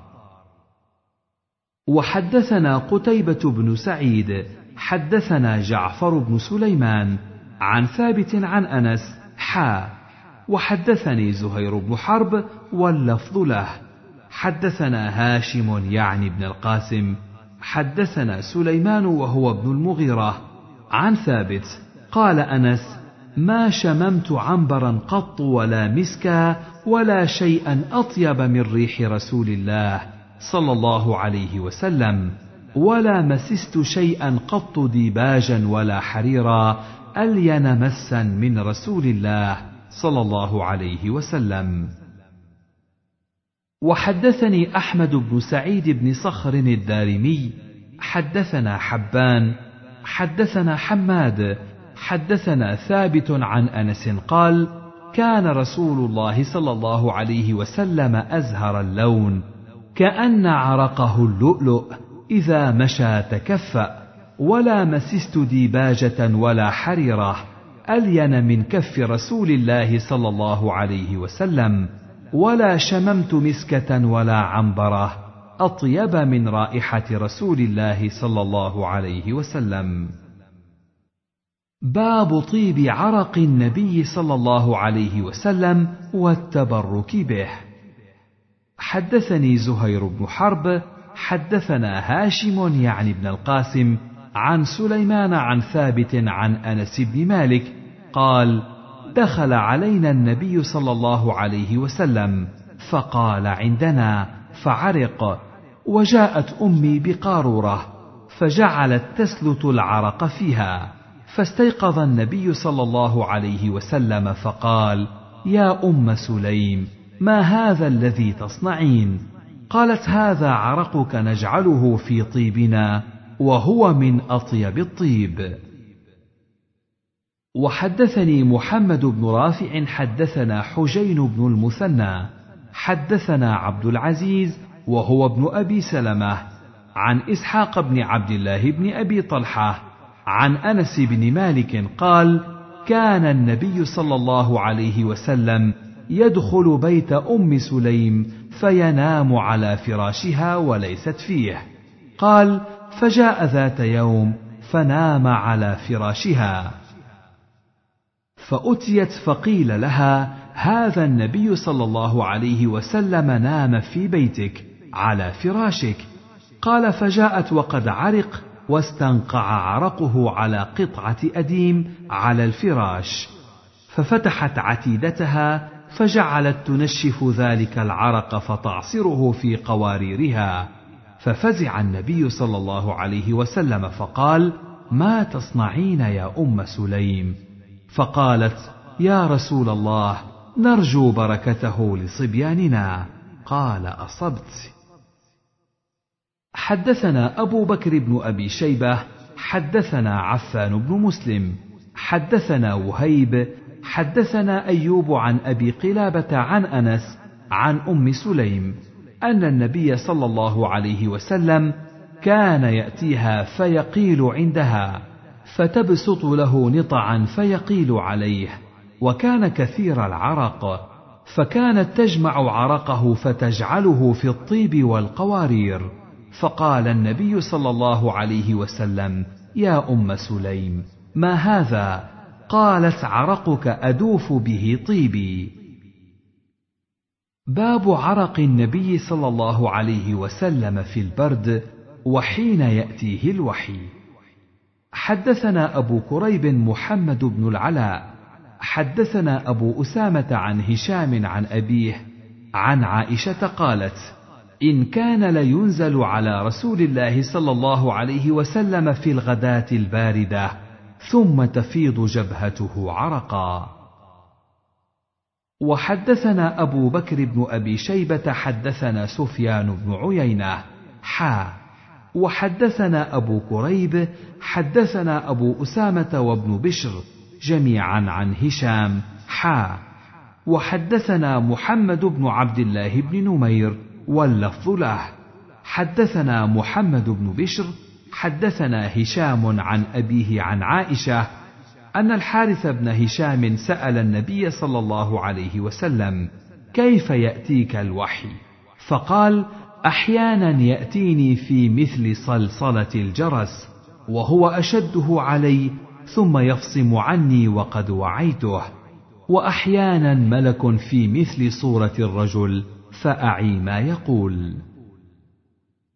وحدثنا محمد بن المثنى حدثنا عبد الأعلى حدثنا سعيد عن قتادة عن الحسن عن حطان بن عبد الله عن عبادة بن الصامت قال كان نبي الله صلى الله عليه وسلم إذا أنزل عليه الوحي كرب لذلك وتربد وجهه وحدثنا محمد بن بشار حدثنا معاذ بن هشام حدثنا أبي عن قتادة عن الحسن عن حطان بن عبد الله الرقاشي عن عبادة بن الصامت قال كان النبي صلى الله عليه وسلم إذا أنزل عليه الوحي نكس رأسه ونكس أصحابه رؤوسهم فلما أتلي عنه رفع رأسه. باب في سدل النبي صلى الله عليه وسلم شعره وفرقه. حدثنا منصور بن أبي مزاحم ومحمد بن جعفر بن زياد. قال منصور حدثنا وقال ابن جعفر أخبرنا إبراهيم يعنيان بن سعد عن ابن شهاب عن عبيد الله بن عبد الله. عن ابن عباس قال كان أهل الكتاب يسدلون أشعارهم وكان المشركون يفرقون رؤوسهم وكان رسول الله صلى الله عليه وسلم يحب موافقة أهل الكتاب فيما لم يؤمر به. فسدل رسول الله صلى الله عليه وسلم ناصيته ثم فرق بعد. وحدثني أبو الطاهر أخبرنا ابن وهب أخبرني يونس عن ابن شهاب بهذا الإسناد نحوه. باب في صفة النبي صلى الله عليه وسلم وأنه كان أحسن الناس وجها. حدثنا محمد بن المثنى ومحمد بن بشار. قال حدثنا محمد بن جعفر. حدثنا شعبة. قال سمعت أبا إسحاق.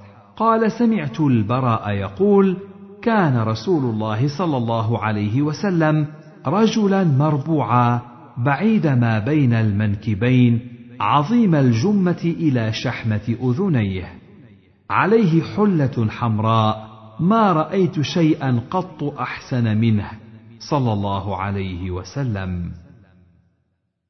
حدثنا عمرو الناقد وأبو كريب قال حدثنا وكيع عن سفيان عن أبي إسحاق عن البراء قال ما رأيت من ذي لمة أحسن في حلة حمراء من رسول الله صلى الله عليه وسلم شعره يضرب منكبيه بعيد ما بين المنكبين ليس بالطويل ولا بالقصير قال أبو كريب له شعر حدثنا أبو كريب محمد بن العلاء حدثنا إسحاق بن منصور عن إبراهيم بن يوسف عن أبيه عن أبي إسحاق قال سمعت البراء يقول كان رسول الله صلى الله عليه وسلم أحسن الناس وجها وأحسنه خلقا ليس بالطويل الذاهب ولا بالقصير. باب صفة شعر النبي صلى الله عليه وسلم. حدثنا شيبان بن فروخ حدثنا جرير بن حازم حدثنا قتادة قال قلت لأنس بن مالك كيف كان شعر رسول الله صلى الله عليه وسلم؟ قال كان شعرا رجلا ليس بالجعد ولا السبط بين أذنيه وعاتقه. حدثني زهير بن حرب حدثنا حبان بن هلال حا وحدثنا محمد بن المثنى حدثنا عبد الصمد قال حدثنا همام حدثنا قتادة عن أنس أن رسول الله صلى الله عليه وسلم كان يضرب شعره منكبيه حدثنا يحيى بن يحيى وأبو كريب قال حدثنا إسماعيل بن علية عن حميد عن أنس قال كان شعر رسول الله صلى الله عليه وسلم إلى أنصاف أذنيه. باب في صفة فم النبي صلى الله عليه وسلم وعينيه وعقبيه. حدثنا محمد بن المثنى ومحمد بن بشار واللفظ لابن المثنى. قال حدثنا محمد بن جعفر. حدثنا شعبة عن سماك بن حرب. قال سمعت جابر بن سمره قال كان رسول الله صلى الله عليه وسلم ضليع الفم أشكل العين منهوس العقبين قال قلت لسماك ما ضليع الفم قال عظيم الفم قال قلت ما أشكل العين قال طويل شق العين قال قلت ما منهوس العقب قال قليل لحم العقب باب كان النبي صلى الله عليه وسلم أبيض مليح الوجه. حدثنا سعيد بن منصور حدثنا خالد بن عبد الله عن الجريري عن أبي الطفيل قال قلت له أرأيت رسول الله صلى الله عليه وسلم؟ قال نعم كان أبيض مليح الوجه. قال مسلم بن الحجاج مات أبو الطفيل سنة مئة وكان آخر من مات من أصحاب رسول الله صلى الله عليه وسلم. حدثنا عبيد الله بن عمر القواريري حدثنا عبد الأعلى بن عبد الأعلى عن الجريري عن أبي الطفيل قال رأيت رسول الله صلى الله عليه وسلم وما على وجه الأرض رجل رآه غيري قال فقلت له فكيف رأيته؟ قال كان أبيض مليحا مقصدا. باب شيبه صلى الله عليه وسلم. حدثنا أبو بكر بن أبي شيبة وابن نمير وعمر الناقد جميعا عن ابن إدريس. قال عمرو حدثنا عبد الله بن إدريس الأودي عن هشام عن ابن سيرين. قال سئل أنس بن مالك هل خضب رسول الله صلى الله عليه وسلم؟ قال إنه لم يكن رأى من الشيب إلا. قال ابن إدريس كأنه يقلله. وقد خضب أبو بكر وعمر بالحناء والكتم. حدثنا محمد بن بكار بن الريان. حدثنا إسماعيل بن زكريا عن عاصم الأحول عن ابن سيرين. قال سألت أنس بن مالك هل كان رسول الله صلى الله عليه وسلم خضب؟ فقال لم يبلغ الخضاب كان في لحيته شعرات بيض. قال قلت له أكان أبو بكر يخضب؟ قال فقال نعم بالحناء والكتم. وحدثني حجاج بن الشاعر. حدثنا معل بن أسد حدثنا وهيب بن خالد عن أيوب عن محمد بن سيرين قال سألت أنس بن مالك أخضب رسول الله صلى الله عليه وسلم قال إنه لم ير من الشيب إلا قليلا. حدثني أبو الربيع العتكي حدثنا حماد حدثنا ثابت قال سئل أنس بن مالك عن خضاب النبي صلى الله عليه وسلم فقال لو شئت أن أعد شمطات كن في رأسه فعلت وقال لم يختضب وقد اختضب أبو بكر بالحناء والكتم واختضب عمر بالحناء بحتا حدثنا نصر بن علي الجهضمي حدثنا أبي حدثنا المثنى بن سعيد عن قتادة عن أنس بن مالك قال يكره أن ينتف الرجل الشعرة البيضاء من رأسه ولحيته. قال ولم يختضب رسول الله صلى الله عليه وسلم إنما كان البياض في عنفقته وفي الصدغين وفي الرأس نبذ. وحدثنيه محمد بن المثنى حدثنا عبد الصمد حدثنا المثنى بهذا الإسناد. وحدثنا محمد بن المثنى وابن بشار وأحمد بن إبراهيم الدورقي وهارون بن عبد الله جميعا عن أبي داود. قال ابن المثنى حدثنا سليمان بن داود حدثنا شعبة عن خليد بن جعفر. سمع أبا إياس عن أنس أنه سئل عن شيب النبي صلى الله عليه وسلم فقال ما شانه الله ببيضاء؟ حدثنا أحمد بن يونس حدثنا زهير حدثنا أبو إسحاق حا وحدثنا يحيى بن يحيى أخبرنا أبو خيثمة عن أبي إسحاق عن أبي جحيفة قال رأيت رسول الله صلى الله عليه وسلم هذه منه بيضاء ووضع زهير بعض أصابعه على عنفقته. قيل له مثل من أنت يومئذ؟ قال ابري النبل وأريشها. حدثنا واصل بن عبد الأعلى. حدثنا محمد بن فضيل عن إسماعيل بن أبي خالد. عن أبي جحيفة قال رأيت رسول الله صلى الله عليه وسلم أبيض قد شاب. كان الحسن بن علي يشبهه. وحدثنا سعيد بن منصور حدثنا سفيان وخالد بن عبد الله. حا. وحدثنا ابن نمير حدثنا محمد بن بشر. كلهم عن إسماعيل عن أبي جحيفة بهذا ولم يقولوا أبيض قد شاب.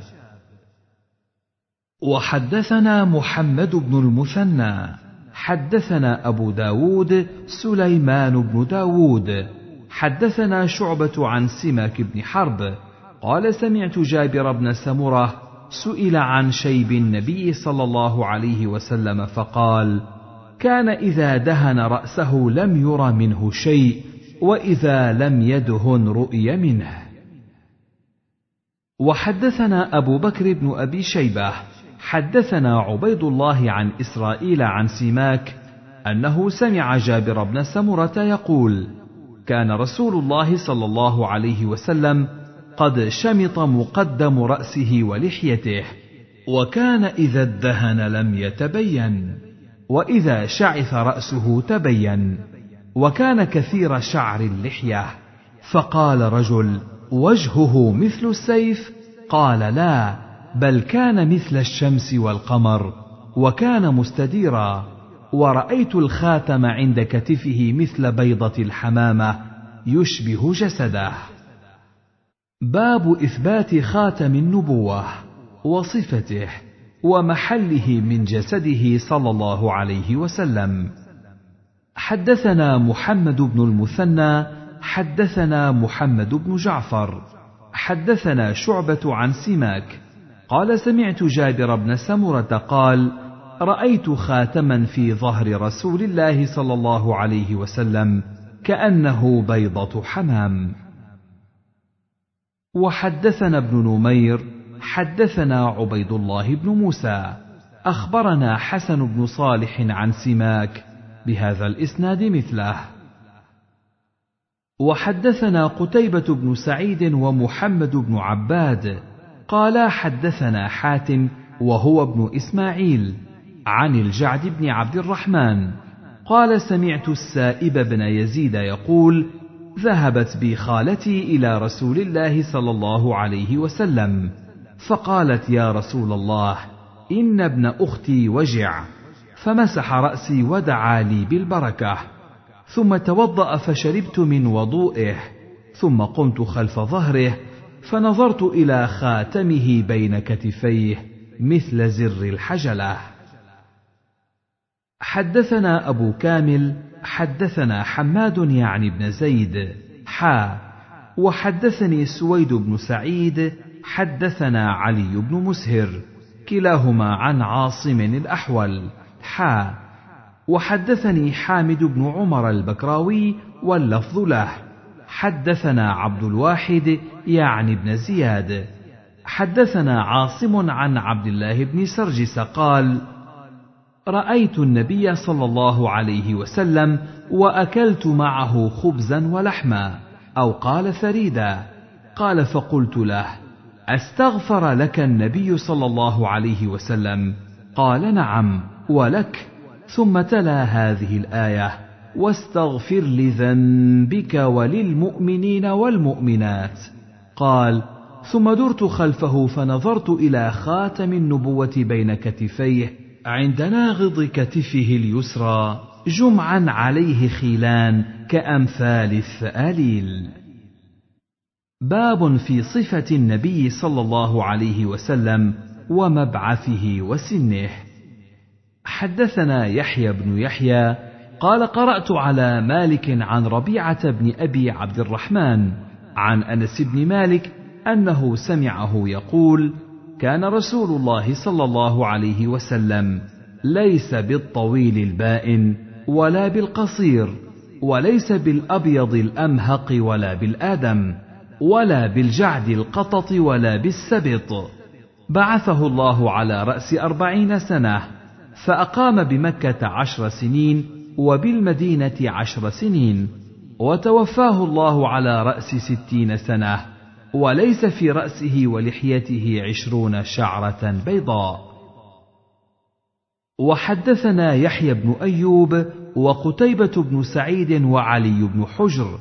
قالوا حدثنا إسماعيل يعنون بن جعفر. حا. وحدثني القاسم بن زكريا. حدثنا خالد بن مخلد. حدثني سليمان بن بلال كلاهما عن ربيعة يعني ابن أبي عبد الرحمن عن أنس بن مالك بمثل حديث مالك بن أنس وزاد في حديثهما كان أزهر.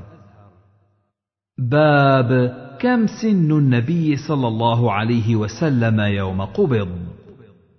حدثني أبو غسان الرازي محمد بن عمرو حدثنا حكام بن سلم حدثنا عثمان بن زائدة عن الزبير بن عدي عن أنس بن مالك قال قبض رسول الله صلى الله عليه وسلم وهو ابن ثلاث وستين وأبو بكر وهو ابن ثلاث وستين وعمر وهو ابن ثلاث وستين. وحدثني عبد الملك بن شعيب بن الليث حدثني أبي عن جدي. قال حدثني عقيل بن خالد عن ابن شهاب عن عروة عن عائشة أن رسول الله صلى الله عليه وسلم توفي وهو ابن ثلاث وستين سنة. وقال ابن شهاب أخبرني سعيد بن المسيب بمثل ذلك. وحدثنا عثمان بن أبي شيبة وعباد بن موسى. قال حدثنا طلحة بن يحيى عن يونس بن يزيد عن ابن شهاب بالإسنادين جميعا مثل حديث عقيل. باب كم أقام النبي صلى الله عليه وسلم بمكة والمدينة؟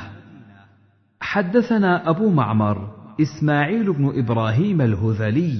حدثنا سفيان عن عمرو قال قلت لعروة كم كان النبي صلى الله عليه وسلم بمكة؟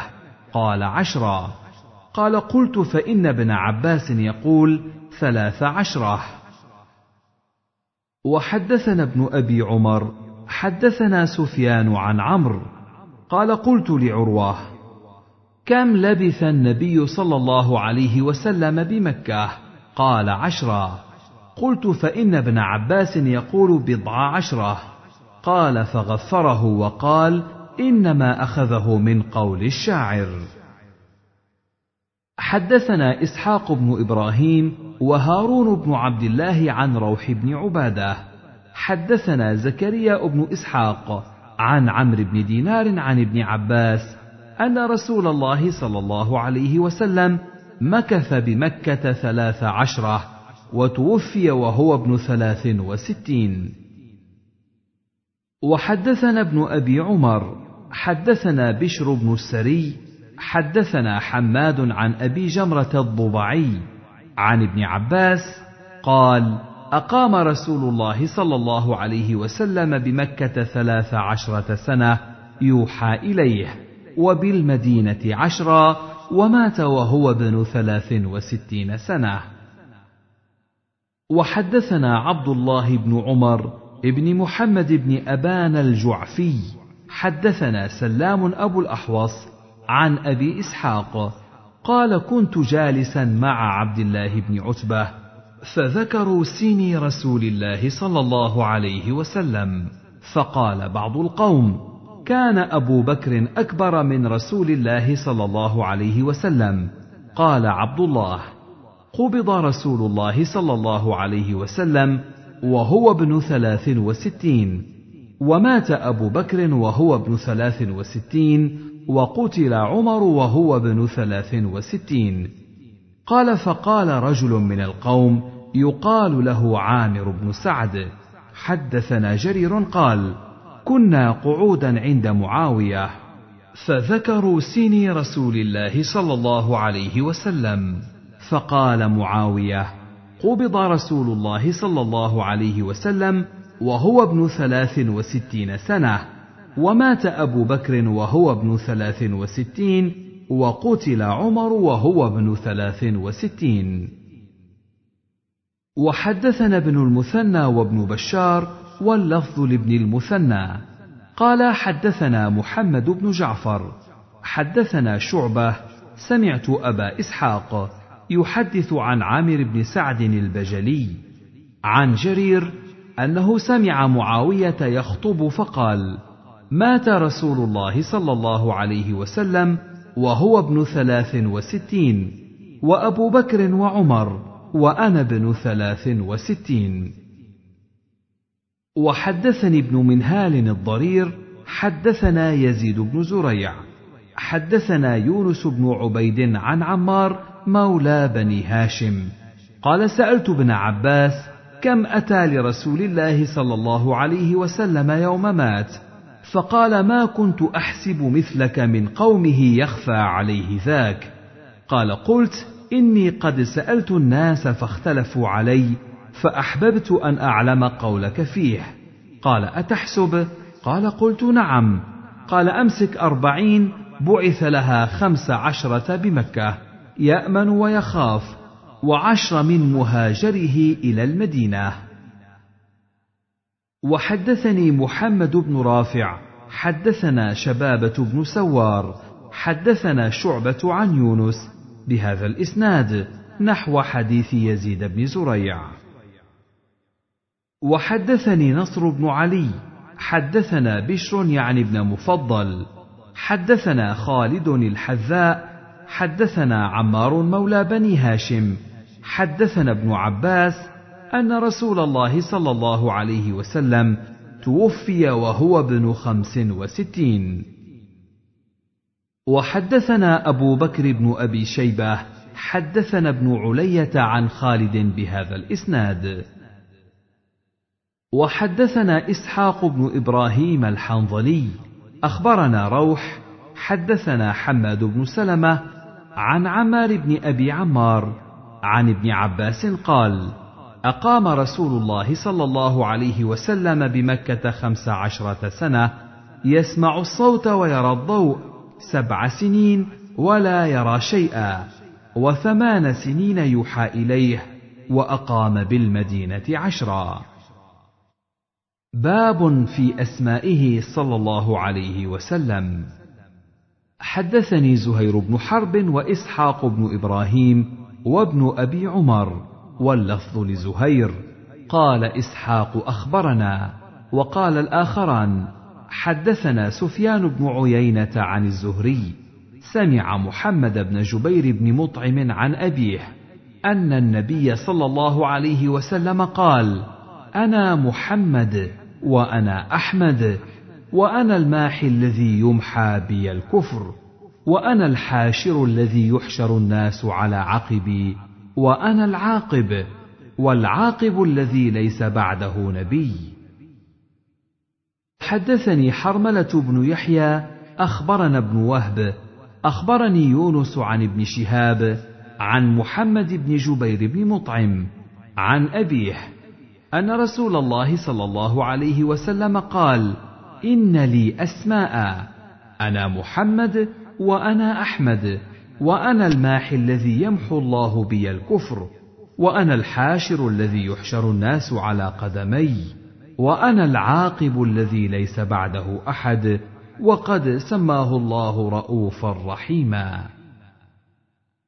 وحدثني عبد الملك بن شعيب بن الليث قال حدثني أبي عن جدي حدثني عقيل حا وحدثنا عبد بن حميد أخبرنا عبد الرزاق أخبرنا معمر حا. وحدثنا عبد الله بن عبد الرحمن الدارمي أخبرنا أبو اليمان أخبرنا شعيب كلهم عن الزهري بهذا الإسناد.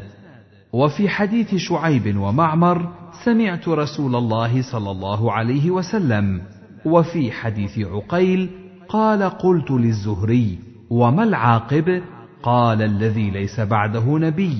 وفي حديث معمر وعقيل الكفرة. وفي حديث شعيب الكفر. وحدثنا إسحاق بن إبراهيم الحنظلي أخبرنا جرير عن الأعمش عن عمرو بن مرة عن أبي عبيدة عن أبي موسى الأشعري قال كان رسول الله صلى الله عليه وسلم يسمي لنا نفسه أسماء. فقال أنا محمد وأحمد والمقفي والحاشر ونبي التوبة ونبي الرحمة. باب علمه صلى الله عليه وسلم بالله تعالى وشدة خشيته. حدثنا زهير بن حرب حدثنا جرير عن الأعمش عن أبي الضحى عن مسروق عن عائشة. قالت صنع رسول الله صلى الله عليه وسلم امرا فترخص فيه فبلغ ذلك ناسا من أصحابه فكأنهم كرهوه وتنزهوا عنه فبلغه ذلك فقام خطيبا فقال ما بال رجال بلغهم عني أمر ترخصت فيه فكرهوه وتنزهوا عنه. فوالله لأنا أعلمهم بالله وأشدهم له خشية. حدثنا أبو سعيد الأشج حدثنا حفص يعني بن غياث حا وحدثناه إسحاق بن إبراهيم وعلي بن خشرم. قال أخبرنا عيسى بن يونس كلاهما عن الأعمش بإسناد جرير نحو حديثه.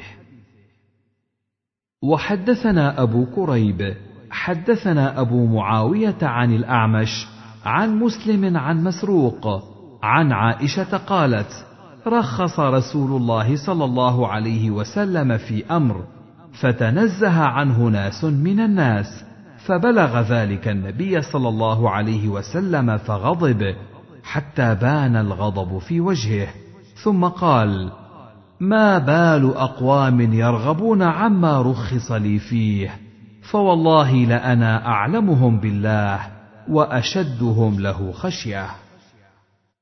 باب وجوب اتباعه صلى الله عليه وسلم. حدثنا قتيبة بن سعيد حدثنا ليث حا وحدثنا محمد بن رمح أخبرنا الليث عن ابن شهاب عن عروة بن الزبير أن عبد الله بن الزبير حدثه أن رجلا من الأنصار خاصم الزبير عند رسول الله صلى الله عليه وسلم في شراج الحرة التي يسقون بها النخل. فقال الأنصاري سرح الماء يمر فأبى عليهم فاختصموا عند رسول الله صلى الله عليه وسلم. فقال رسول الله صلى الله عليه وسلم للزبير اسق يا زبير ثم أرسل الماء إلى جارك. فغضب الأنصاري فقال يا رسول الله أن كان ابن عمتك. فتلون وجه نبي الله صلى الله عليه وسلم ثم قال يا زبير اسق ثم احبس الماء حتى يرجع إلى الجدر. فقال الزبير والله إني لأحسب هذه الآية نزلت في ذلك. فلا وربك لا يؤمنون حتى يحكموك فيما شجر بينهم ثم لا يجدوا في أنفسهم حرجا.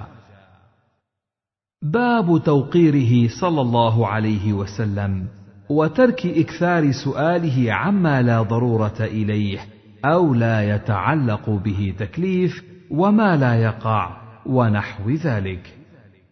حدثني حرملة بن يحيى التجيبي أخبرنا ابن وهب أخبرني يونس عن ابن شهاب أخبرني أبو سلمة بن عبد الرحمن وسعيد بن المسيب.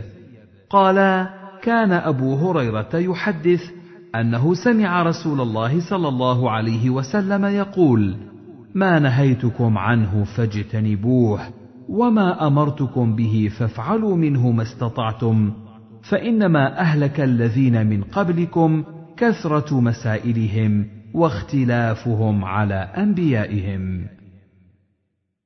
وحدثني محمد بن أحمد بن أبي خلف حدثنا أبو سلمة وهو منصور بن سلمة الخزاعي أخبرنا ليث عن يزيد بن الهاد عن ابن شهاب بهذا الإسناد مثله سواء.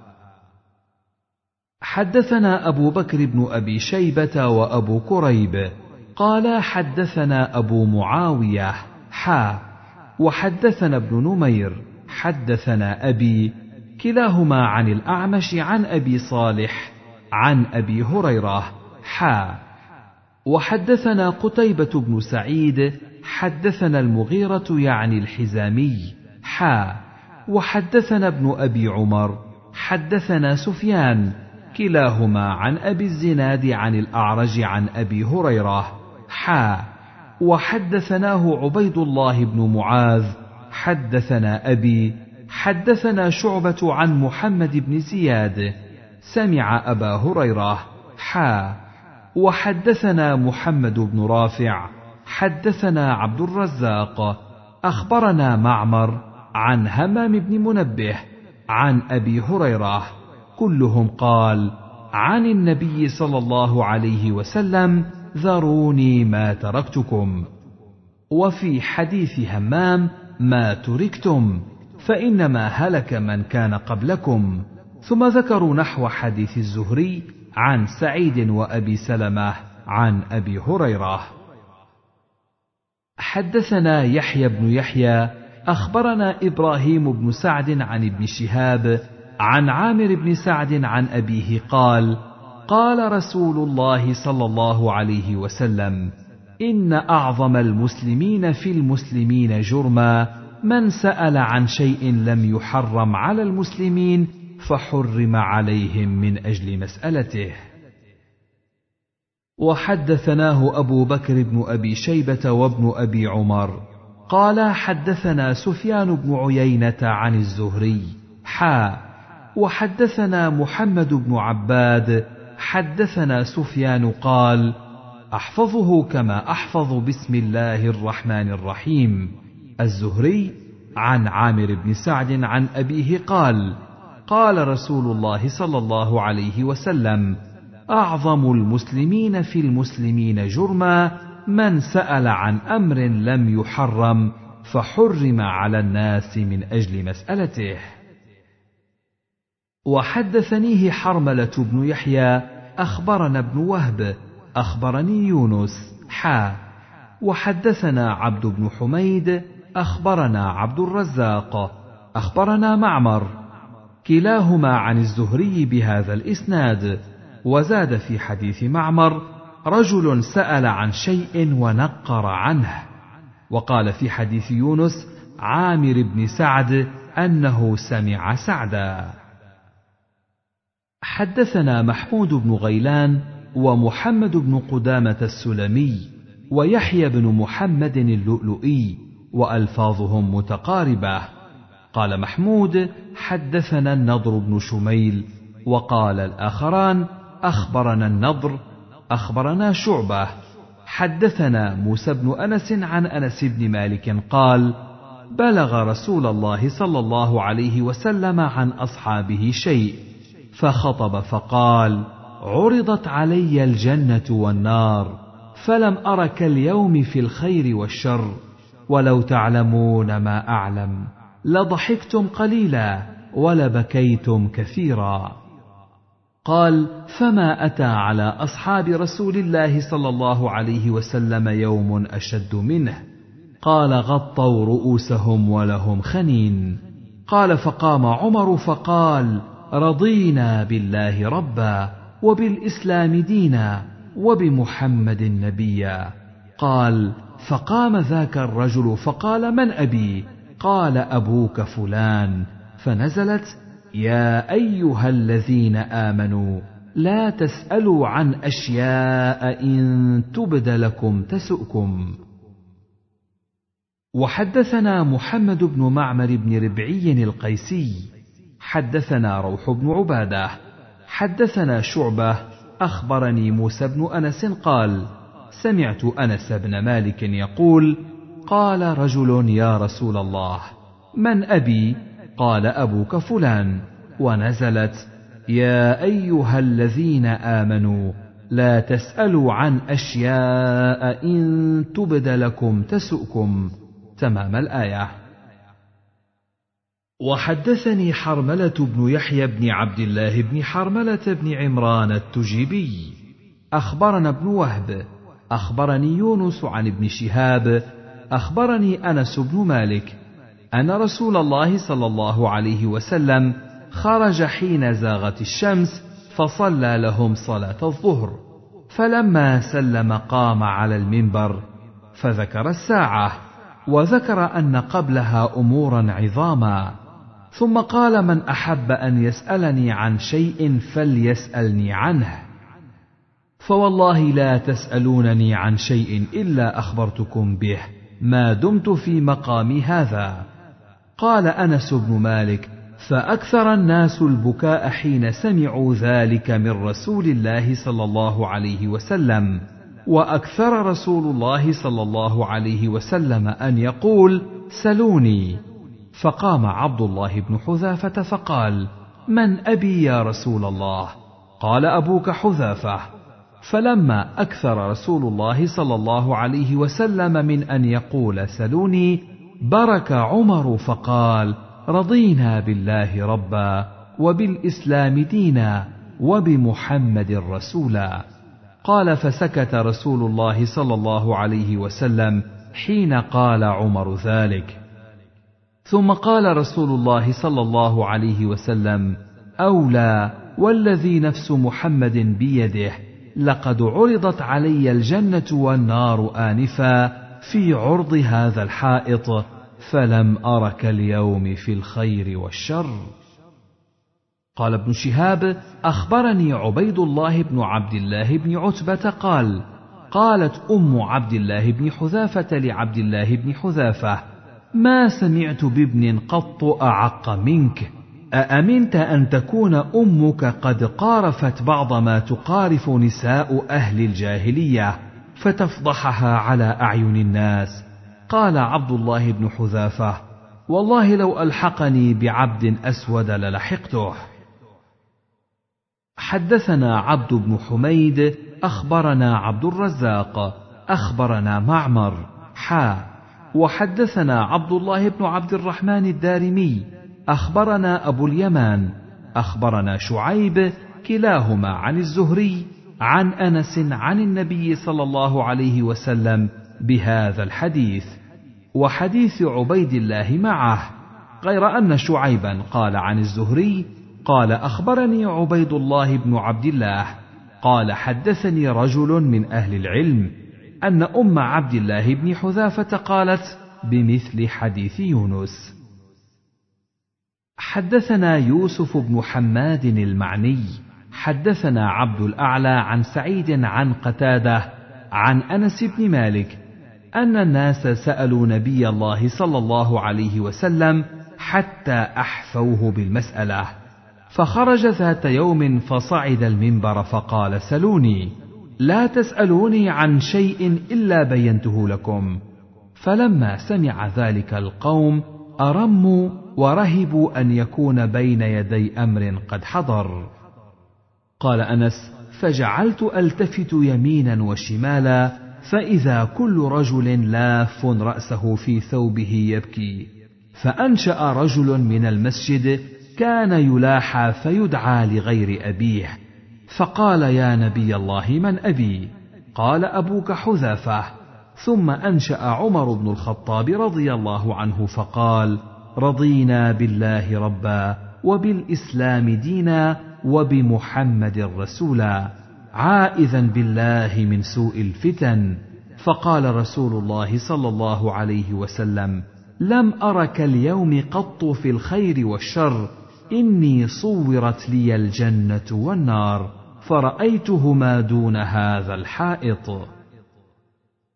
حدثنا يحيى بن حبيب الحارثي حدثنا خالد يعني بن الحارث حا وحدثنا محمد بن بشار حدثنا محمد بن أبي عدي كلاهما عن هشام حا وحدثنا عاصم بن النضر التيمي حدثنا معتمر قال سمعت أبي قالا جميعا حدثنا قتادة عن أنس بهذه القصة.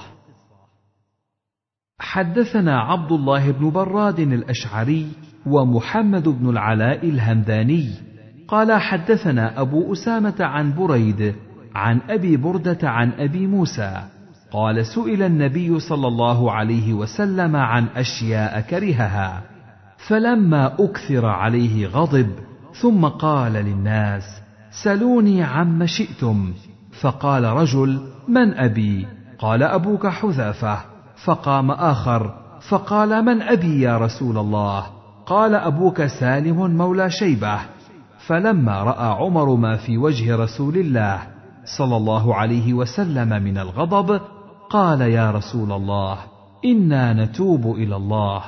وفي رواية أبي كريب قال من أبي يا رسول الله؟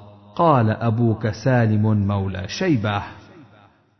باب وجوب امتثال ما قاله شرعا دون ما ذكره صلى الله عليه وسلم من معايش الدنيا على سبيل الرأي. حدثنا قتيبة بن سعيد الثقفي وأبو كامل الجحدري وتقارب في اللفظ وهذا حديث قتيبة. قال حدثنا أبو عوانة عن سماك عن موسى بن طلحة عن أبيه قال مررت مع رسول الله صلى الله عليه وسلم بقوم على رؤوس النخل فقال ما يصنع هؤلاء؟ فقالوا يلقحونه يجعلون الذكر في الأنثى فيلقح. فقال رسول الله صلى الله عليه وسلم ما أظن يغني ذلك شيئا. قال فأخبروا بذلك فتركوه. فأخبر رسول الله صلى الله عليه وسلم بذلك فقال إن كان ينفعهم ذلك فليصنعوه فإني إنما ظننت ظنا فلا تؤاخذوني بالظن ولكن إذا حدثتكم عن الله شيئا فخذوا به فإني لن أكذب على الله عز وجل. حدثنا عبد الله بن الرومي اليمامي وعباس بن عبد العظيم العنبري وأحمد بن جعفر المعقري. قالوا حدثنا النضر بن محمد حدثنا عكرمة وهو ابن عمار حدثنا أبو النجاشي حدثني رافع بن خديج. قال قدم نبي الله صلى الله عليه وسلم المدينة وهم يأبرون النخل يقولون يلقحون النخل. فقال ما تصنعون؟ قالوا كنا نصنعه. قال لعلكم لو لم تفعلوا كان خيرا. فتركوه فنفضت أو فنقصت. قال فذكروا ذلك له فقال إنما أنا بشر. إذا أمرتكم بشيء من دينكم فخذوا به وإذا أمرتكم بشيء من رأي فإنما أنا بشر. قال عكرمة أو نحو هذا. قال المعقري فنفضت ولم يشك. حدثنا أبو بكر بن أبي شيبة وعمر الناقد كلاهما عن الأسود بن عامر. قال أبو بكر حدثنا أسود بن عامر. حدثنا حماد بن سلمة عن هشام بن عروة عن أبيه عن عائشة وعن ثابت عن أنس أن النبي صلى الله عليه وسلم مر بقوم يلقحون فقال لو لم تفعلوا لصلح. قال فخرج شيصا. فمر بهم فقال ما لنخلكم؟ قالوا قلت كذا وكذا. قال أنتم أعلم بأمر دنياكم. باب فضل النظر إليه صلى الله عليه وسلم وتمنيه. حدثنا محمد بن رافع حدثنا عبد الرزاق أخبرنا معمر عن همام بن منبه. قال هذا ما حدثنا أبو هريرة عن رسول الله صلى الله عليه وسلم فذكر أحاديث منها. وقال رسول الله صلى الله عليه وسلم والذي نفس محمد بيده ليأتين على أحدكم يوم ولا يراني ثم لأن يراني أحب إليه من أهله وماله معهم. قال أبو إسحاق المعنى فيه عندي لأن يراني معهم أحب إليه من أهله وماله وهو عندي مقدم ومؤخر. باب فضائل عيسى عليه السلام.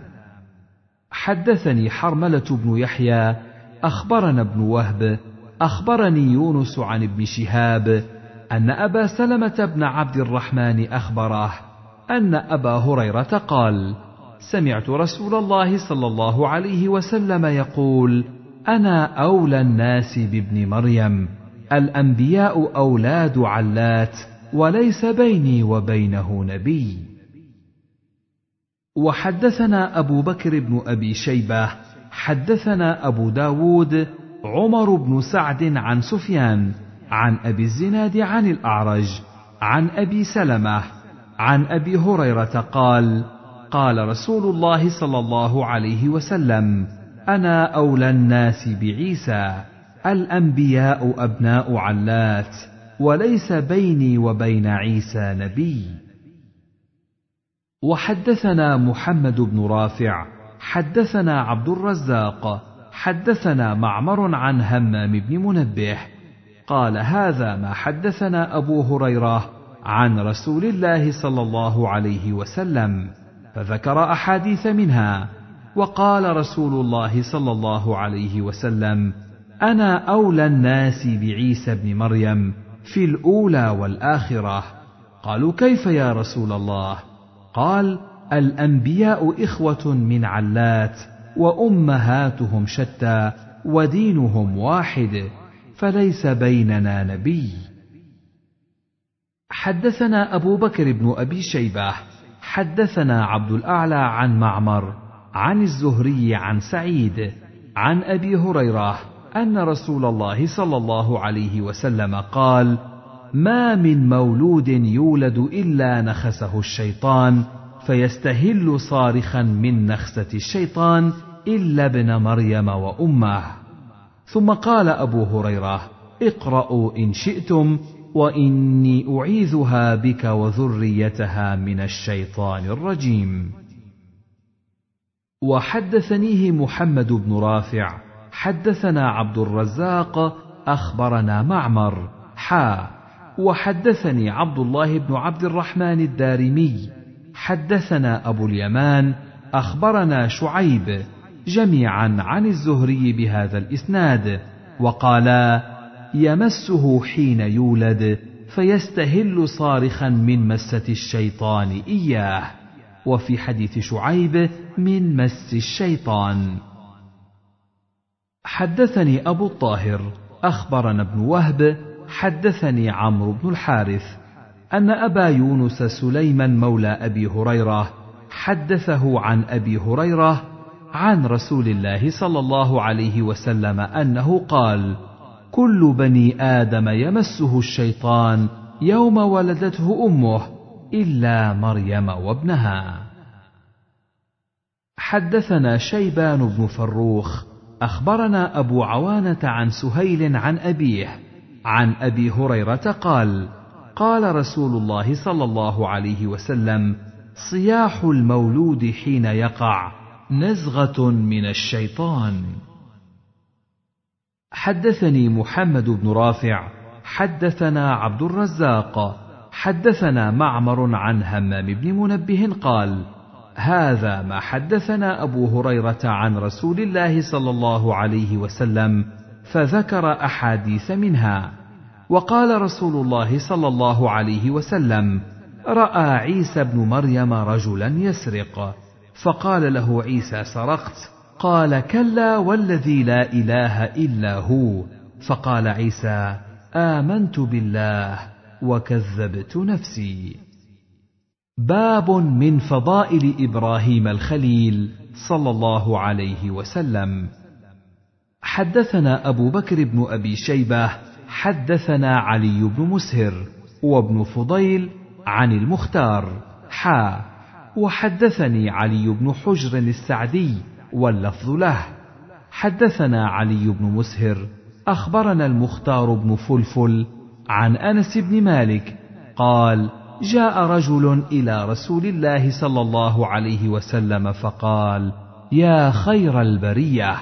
فقال رسول الله صلى الله عليه وسلم ذاك إبراهيم عليه السلام. وحدثناه أبو كريب حدثنا ابن إدريس قال سمعت مختار بن فلفل مولى عمرو بن حريث قال سمعت انسا يقول قال رجل يا رسول الله بمثله وحدثني محمد بن المثنى حدثنا عبد الرحمن عن سفيان عن المختار قال سمعت أنسا عن النبي صلى الله عليه وسلم بمثله حدثنا قتيبة بن سعيد حدثنا المغيرة يعني ابن عبد الرحمن الحزامي عن أبي الزناد عن الأعرج عن أبي هريرة قال: قال رسول الله صلى الله عليه وسلم: اختتن إبراهيم النبي عليه السلام وهو ابن ثمانين سنة بالقدوم. وحدثني حرملة بن يحيى أخبرنا ابن وهب أخبرني يونس عن ابن شهاب عن أبي سلمة بن عبد الرحمن وسعيد بن المسيب عن أبي هريرة أن رسول الله صلى الله عليه وسلم قال نحن أحق بالشك من إبراهيم إذ قال رب أرني كيف تحيي الموتى قال أولم تؤمن؟ قال بلى ولكن ليطمئن قلبي ويرحم الله لوطا لقد كان يأوي إلى ركن شديد ولو لبثت في السجن طول لبث يوسف لأجبت الداعي. وحدثناه إن شاء الله عبد الله بن محمد بن أسماء. حدثنا جويرية عن مالك عن الزهري أن سعيد بن المسيب وأبا عبيد أخبراه عن أبي هريرة عن رسول الله صلى الله عليه وسلم بمعنى حديث يونس عن الزهري. وحدثني زهير بن حرب حدثنا شبابه حدثنا ورقاء عن أبي الزناد عن الأعرج عن أبي هريرة عن النبي صلى الله عليه وسلم قال يغفر الله للوط إنه أوى إلى ركن شديد. وحدثني أبو الطاهر أخبرنا عبد الله بن وهب أخبرني جرير بن حازم عن أيوب السختياني عن محمد بن سيرين عن أبي هريرة أن رسول الله صلى الله عليه وسلم قال لم يكذب إبراهيم النبي عليه السلام قط إلا ثلاث كذبات ثنتين في ذات الله قوله إني سقيم وقوله بل فعله كبيرهم هذا وواحدة في شأن سارة. فإنه قدم أرض جبار ومعه سارة وكانت أحسن الناس. فقال لها إن هذا الجبار إن يعلم أنك امرأتي يغلبني عليك فإن سألك فأخبريه أنك أختي فإنك أختي في الإسلام فإني لا أعلم في الأرض مسلما غيري وغيرك. فلما دخل أرضه رآها بعض أهل الجبار أتاه فقال له لقد قدم أرضك امرأة لا ينبغي لها أن تكون إلا لك فأرسل إليها فأتي بها. فقام إبراهيم عليه السلام إلى الصلاة فلما دخلت عليه لم يتمالك ان بسط يده إليها فقبضت يده قبضة شديدة فقال لها ادع الله أن يطلق يدي ولا أضرك. ففعلت. فعاد فقبضت أشد من القبضة الأولى. فقال لها مثل ذلك. ففعلت. فعاد فقبضت أشد من القبضتين الأوليين. فقال ادع الله أن يطلق يدي. فلك الله أن لا أضرك. ففعلت وأطلقت يده. ودعا الذي جاء بها فقال له إنك إنما أتيتني بشيطان ولم تاتني بإنسان فأخرجها من أرضي وأعطها هاجر. قال فأقبلت تمشي فلما رآها إبراهيم عليه السلام انصرف فقال لها مهيم قالت خيرا كف الله يد الفاجر وأخدم خادما. قال أبو هريرة فتلك أمكم يا بني ماء السماء. باب من فضائل موسى صلى الله عليه وسلم. حدثني محمد بن رافع حدثنا عبد الرزاق أخبرنا معمر عن همام بن منبه قال هذا ما حدثنا أبو هريرة عن رسول الله صلى الله عليه وسلم فذكر أحاديث منها وقال رسول الله صلى الله عليه وسلم كانت بنو إسرائيل يغتسلون عراه ينظر بعضهم إلى سوءة بعض. وكان موسى عليه السلام يغتسل وحده. فقالوا والله ما يمنع موسى أن يغتسل معنا إلا أنه آدر. قال فذهب مرة يغتسل فوضع ثوبه على حجر ففر الحجر بثوبه. قال فجمح موسى بأثره يقول ثوبي حجر ثوبي حجر. حتى نظرت بنو إسرائيل إلى سوءة موسى فقالوا والله ما بموسى من بأس. فقام الحجر بعد حتى نظر إليه. قال فأخذ ثوبه فطفق بالحجر ضربا. قال أبو هريرة والله إنه بالحجر ندب ستة أو سبعة ضرب موسى عليه السلام بالحجر. وحدثنا يحيى بن حبيب الحارثي حدثنا يزيد بن زريع حدثنا خالد الحذاء عن عبد الله بن شقيق قال أنبأنا أبو هريرة قال كان موسى عليه السلام رجلا حييا قال فكان لا يرى متجردا قال فقال بنو إسرائيل إنه آدر قال فاغتسل عند مويه فوضع ثوبه على حجر فانطلق الحجر يسعى واتبعه بعصاه يضربه ثوبي حجر ثوبي حجر. حتى وقف على ملأ من بني إسرائيل ونزلت يا أيها الذين آمنوا لا تكونوا كالذين آذوا موسى فبرأه الله مما قالوا وكان عند الله وجيها. وحدثني محمد بن رافع وعبد بن حميد. قال عبد أخبرنا. وقال ابن رافع حدثنا عبد الرزاق أخبرنا معمر عن ابن طاووس عن أبيه عن أبي هريرة قال أرسل ملك الموت إلى موسى عليه السلام فلما جاءه صكه ففقأ عينه فرجع إلى ربه فقال أرسلتني إلى عبد لا يريد الموت. قال فرد الله إليه عينه وقال ارجع إليه.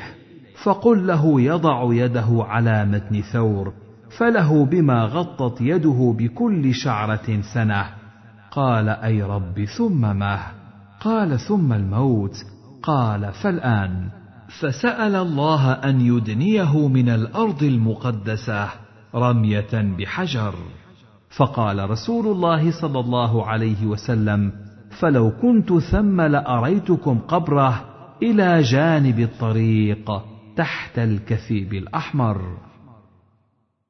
حدثنا محمد بن رافع حدثنا عبد الرزاق حدثنا معمر عن همام بن منبه قال هذا ما حدثنا أبو هريرة عن رسول الله صلى الله عليه وسلم. فذكر أحاديث منها. وقال رسول الله صلى الله عليه وسلم جاء ملك الموت إلى موسى عليه السلام فقال له أجب ربك. قال فلطم موسى عليه السلام عين ملك الموت ففقأها. قال فرجع الملك إلى الله تعالى فقال إنك أرسلتني إلى عبد لك لا يريد الموت وقد فقأ عيني. قال فرد الله إليه عينه وقال ارجع إلى عبدي فقل الحياة تريد فإن كنت تريد الحياة. فضع يدك على متن ثور فما توارت يدك من شعرة فإنك تعيش بها سنة. قال ثم مه قال ثم تموت. قال فالآن من قريب. رب أمتني من الأرض المقدسة رمية بحجر.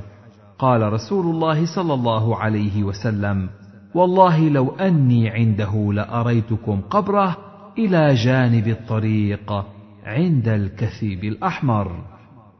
قال أبو إسحاق حدثنا محمد بن يحيى حدثنا عبد الرزاق أخبرنا معمر بمثل هذا الحديث. حدثني زهير بن حرب حدثنا حجين بن المثنى حدثنا عبد العزيز بن عبد الله بن أبي سلمة عن عبد الله بن الفضل الهاشمي عن عبد الرحمن الأعرج عن أبي هريرة قال بينما يهودي يعرض سلعة له أعطي بها شيئا كرهه أو لم يرضه شك عبد العزيز. قال لا والذي اصطفى موسى عليه السلام على البشر. قال فسمعه رجل من الأنصار. فلطم وجهه وقال تقول والذي اصطفى موسى عليه السلام على البشر ورسول الله صلى الله عليه وسلم بين أظهرنا؟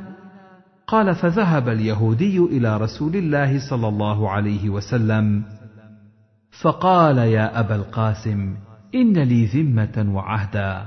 وقال فلان لطم وجهي. فقال رسول الله صلى الله عليه وسلم لم لطمت وجهه؟ قال قال يا رسول الله والذي اصطفى موسى عليه السلام على البشر وأنت بين أظهرنا. قال فغضب رسول الله صلى الله عليه وسلم حتى عرف الغضب في وجهه. ثم قال لا تفضلوا بين أنبياء الله فإنه ينفخ في الصور فيصعق من في السماوات ومن في الأرض إلا من شاء الله. قال ثم ينفخ فيه أخرى فأكون أول من بعث أو في أول من بعث. فإذا موسى عليه السلام آخذ بالعرش فلا أدري أحوسب بصعقته يوم الطور أو بعث قبلي. ولا أقول إن أحدا أفضل من يونس بن متى عليه السلام. وحدثنيه محمد بن حاتم حدثنا يزيد بن هارون حدثنا عبد العزيز بن أبي سلمة بهذا الإسناد سواء. حدثني زهير بن حرب وأبو بكر بن النضر قال حدثنا يعقوب بن إبراهيم حدثنا أبي عن ابن شهاب عن أبي سلمة بن عبد الرحمن وعبد الرحمن الأعرج عن أبي هريرة. قال استب رجلان رجل من اليهود ورجل من المسلمين. فقال المسلم والذي اصطفى محمدا صلى الله عليه وسلم على العالمين. وقال اليهودي والذي اصطفى موسى عليه السلام على العالمين. قال فرفع المسلم يده عند ذلك فلطم وجه اليهودي. فذهب اليهودي إلى رسول الله صلى الله عليه وسلم فأخبره بما كان من أمره وأمر المسلم. فقال رسول الله صلى الله عليه وسلم لا تخيروني على موسى فإن الناس يصعقون فأكون أول من يفيق فإذا موسى باطش بجانب العرش. فلا أدري أكان في من صعق فأفاق قبلي أم كان ممن استثنى الله؟ وحدثنا عبد الله بن عبد الرحمن الدارمي وأبو بكر بن إسحاق. قال أخبرنا أبو اليمان. أخبرنا شعيب عن الزهري. أخبرني أبو سلمة بن عبد الرحمن وسعيد بن المسيب عن أبي هريرة.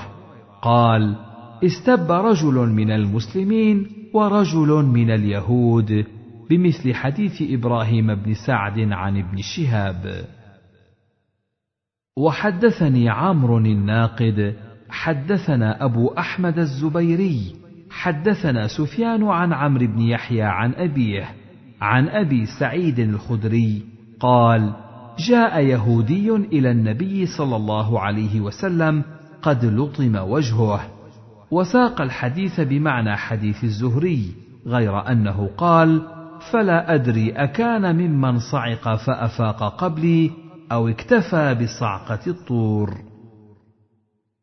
حدثنا أبو بكر بن أبي شيبة حدثنا وكيع عن سفيان حا. وحدثنا ابن نمير حدثنا أبي حدثنا سفيان عن عمرو بن يحيى عن أبيه عن أبي سعيد الخدري قال قال رسول الله صلى الله عليه وسلم لا تخيروا بين الأنبياء. وفي حديث ابن نمير عمرو بن يحيى حدثني أبي. حدثنا هداب بن خالد وشيبان بن فروخ.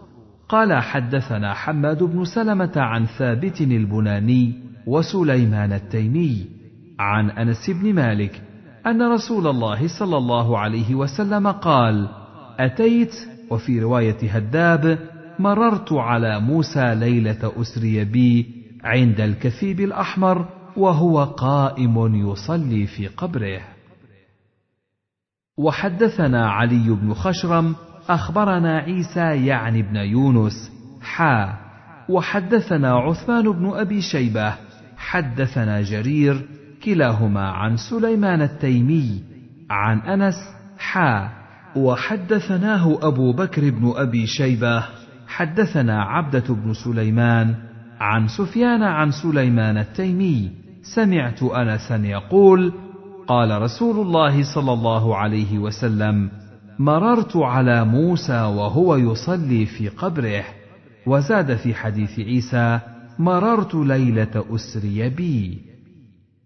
باب في ذكر يونس عليه السلام وقول النبي صلى الله عليه وسلم لا ينبغي لعبد أن يقول أنا خير من يونس بن متى.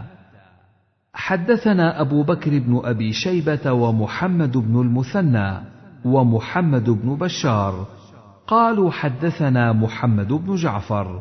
حدثنا شعبة عن سعد بن إبراهيم. قال سمعت حميد بن عبد الرحمن يحدث عن أبي هريرة عن النبي صلى الله عليه وسلم أنه قال يعني الله تبارك وتعالى لا ينبغي لعبد لي وقال ابن المثنى لعبدي أن يقول أنا خير من يونس بن متى عليه السلام. قال ابن أبي شيبة محمد بن جعفر عن شعبة. حدثنا محمد بن المثنى وابن بشار. واللفظ لابن المثنى. قال حدثنا محمد بن جعفر حدثنا شعبة عن قتادة قال سمعت أبا العالية يقول حدثني ابن عم نبيكم صلى الله عليه وسلم يعني ابن عباس. عن النبي صلى الله عليه وسلم قال ما ينبغي لعبد أن يقول أنا خير من يونس بن متى ونسبه إلى أبيه. باب من فضائل يوسف عليه السلام. حدثنا زهير بن حرب ومحمد بن المثنى وعبيد الله بن سعيد. قالوا حدثنا يحيى بن سعيد عن عبيد الله. أخبرني سعيد بن أبي سعيد عن أبيه عن أبي هريرة قال قيل يا رسول الله من أكرم الناس؟ قال أتقاهم. قالوا ليس عن هذا نسألك. قال فيوسف نبي الله ابن نبي الله ابن نبي الله ابن خليل الله. قالوا ليس عن هذا نسألك. قال فعن معادن العرب تسالني خيارهم في الجاهلية خيارهم في الإسلام إذا فقهوا. باب من فضائل زكريا عليه السلام. حدثنا هداب بن خالد حدثنا حماد بن سلمة عن ثابت عن أبي رافع عن أبي هريرة أن رسول الله صلى الله عليه وسلم قال كان زكرياء نجارا. باب من فضائل الخضر عليه السلام. حدثنا عمرو بن محمد الناقد وإسحاق بن إبراهيم الحنظلي وعبيد الله بن سعيد ومحمد بن أبي عمر المكي كلهم عن ابن عيينة واللفظ لابن أبي عمر. حدثنا سفيان بن عيينة حدثنا عمرو بن دينار عن سعيد بن جبير قال قلت لابن عباس إن نوفا البكالي يزعم أن موسى عليه السلام صاحب بني إسرائيل ليس هو موسى صاحب الخضر عليه السلام. فقال كذب عدو الله. سمعت أبي بن كعب يقول سمعت رسول الله صلى الله عليه وسلم يقول قام موسى عليه السلام خطيبا في بني إسرائيل. فسئل أي الناس أعلم؟ فقال أنا أعلم. قال فعتب الله عليه إذ لم يرد العلم إليه. فأوحى الله إليه إن عبدا من عبادي بمجمع البحرين هو أعلم منك. قال موسى أي رب كيف لي به؟ فقيل له احمل حوتا في مكتل فحيث تفقد الحوت فهو ثم. فانطلق وانطلق معه فتاه وهو يوشع بن نون. فحمل موسى عليه السلام حوتا في مكتل.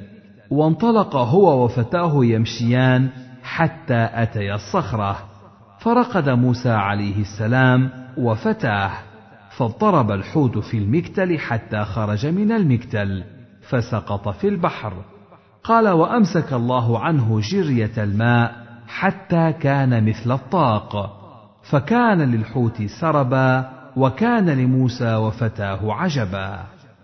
فانطلقا بقية يومهما وليلتهما ونسي صاحب موسى أن يخبره.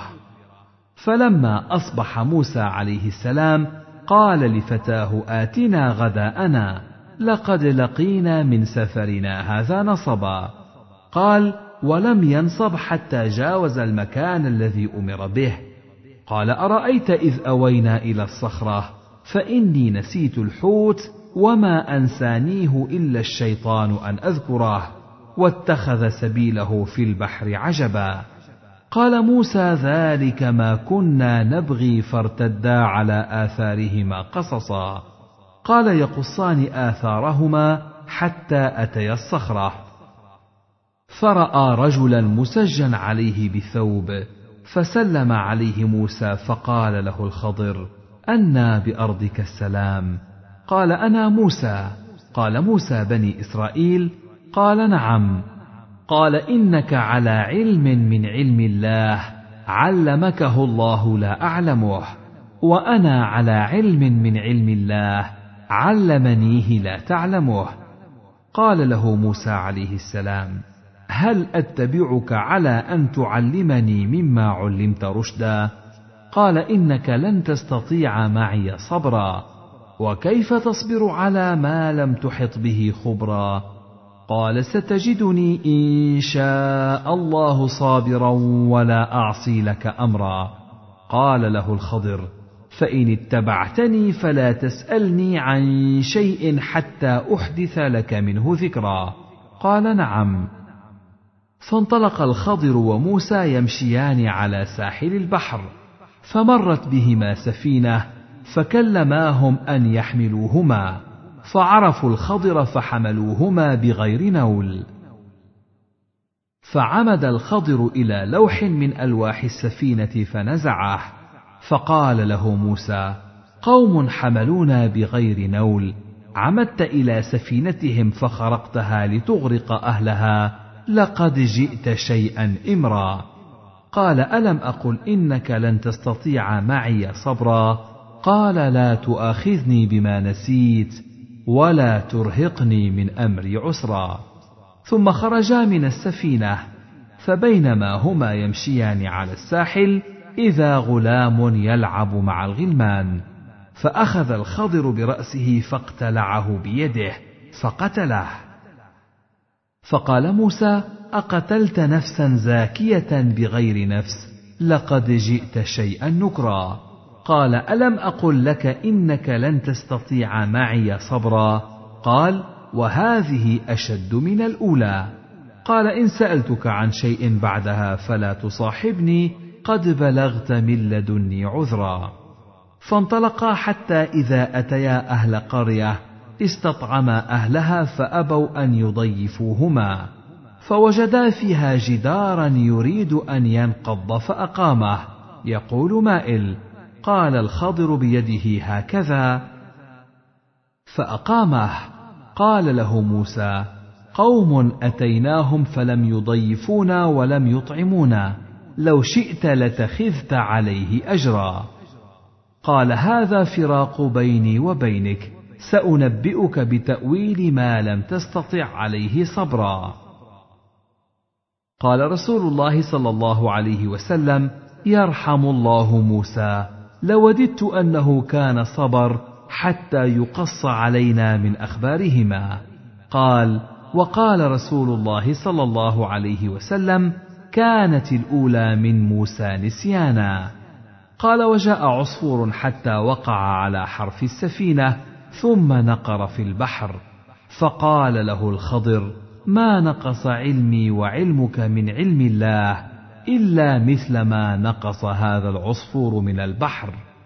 قال سعيد بن جبير وكان يقرأ وكان أمامهم ملك يأخذ كل سفينة صالحة غصبا وكان يقرأ وأما الغلام فكان كافرا.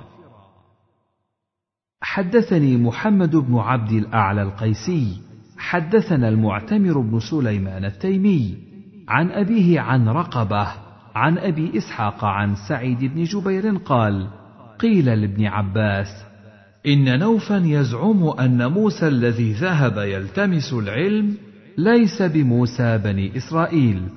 قال أسمعته يا سعيد؟ قلت نعم. قال كذب نوف.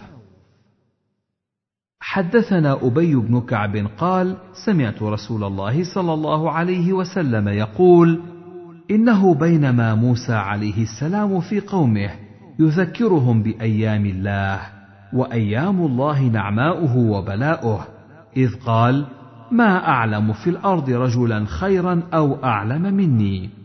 قال فأوحى الله إليه إني أعلم بالخير منه أو عند من هو إن في الأرض رجلا هو أعلم منك. قال يا رب فدلني عليه. قال فقيل له تزود حوتا مالحا فإنه حيث تفقد الحوت. قال فانطلق هو وفتاه حتى انتهيا إلى الصخرة فعمي عليه. فانطلق وترك فتاه فاضطرب الحوت في الماء فجعل لا يلتئم عليه صار مثل الكوة. قال فقال فتاه ألا ألحق نبي الله فأخبره؟ قال فنسي. فلما تجاوزا قال لفتاه آتنا غداءنا لقد لقينا من سفرنا هذا نصبا. قال ولم يصبهم نصب حتى تجاوزا. قال فتذكر قال أرأيت إذ أوينا إلى الصخرة فإني نسيت الحوت وما أنسانيه إلا الشيطان أن أذكره واتخذ سبيله في البحر عجبا. قال ذلك ما كنا نبغي فارتدا على آثارهما قصصا. فأراه مكان الحوت. قال ها هنا وصف لي. قال فذهب يلتمس. فإذا هو بالخضر مسجا ثوبا مستلقيا على القفا أو قال على حلاوة القفا. قال السلام عليكم. فكشف الثوب عن وجهه قال وعليكم السلام. من أنت؟ قال أنا موسى. قال ومن موسى؟ قال موسى بني إسرائيل. قال مجيء ما جاء بك. قال جئت لتعلمني مما علمت رشدا. قال إنك لن تستطيع معي صبرا. وكيف تصبر على ما لم تحط به خبرا؟ شيء أمرت به أن أفعله. إذا رأيته لم تصبر. قال ستجدني إن شاء الله صابرا ولا أعصي لك أمرا. قال فإن اتبعتني فلا تسألني عن شيء حتى أحدث لك منه ذكرا. فانطلقا حتى إذا ركبا في السفينة خرقها. قال انتحى عليها. قال له موسى عليه السلام أخرقتها لتغرق أهلها لقد جئت شيئا إمرا. قال ألم أقل إنك لن تستطيع معي صبرا؟ قال لا تؤاخذني بما نسيت ولا ترهقني من أمري عسرا. فانطلقا حتى إذا لقيا غلمانا يلعبون. قال فانطلق إلى أحدهم بادي الرأي فقتله. فذعر عندها موسى عليه السلام ذعرة منكرة. قال أقتلت نفسا زاكية بغير نفس؟ لقد جئت شيئا نكرا. فقال رسول الله صلى الله عليه وسلم عند هذا المكان رحمة الله علينا وعلى موسى لولا أنه عجل لرأى العجب. ولكنه أخذته من صاحبه ذمامة قال إن سألتك عن شيء بعدها فلا تصاحبني قد بلغت من لدني عذرا ولو صبر لرأى العجب. قال وكان إذا ذكر أحدا من الأنبياء بدأ بنفسه رحمة الله علينا وعلى أخي كذا رحمة الله علينا.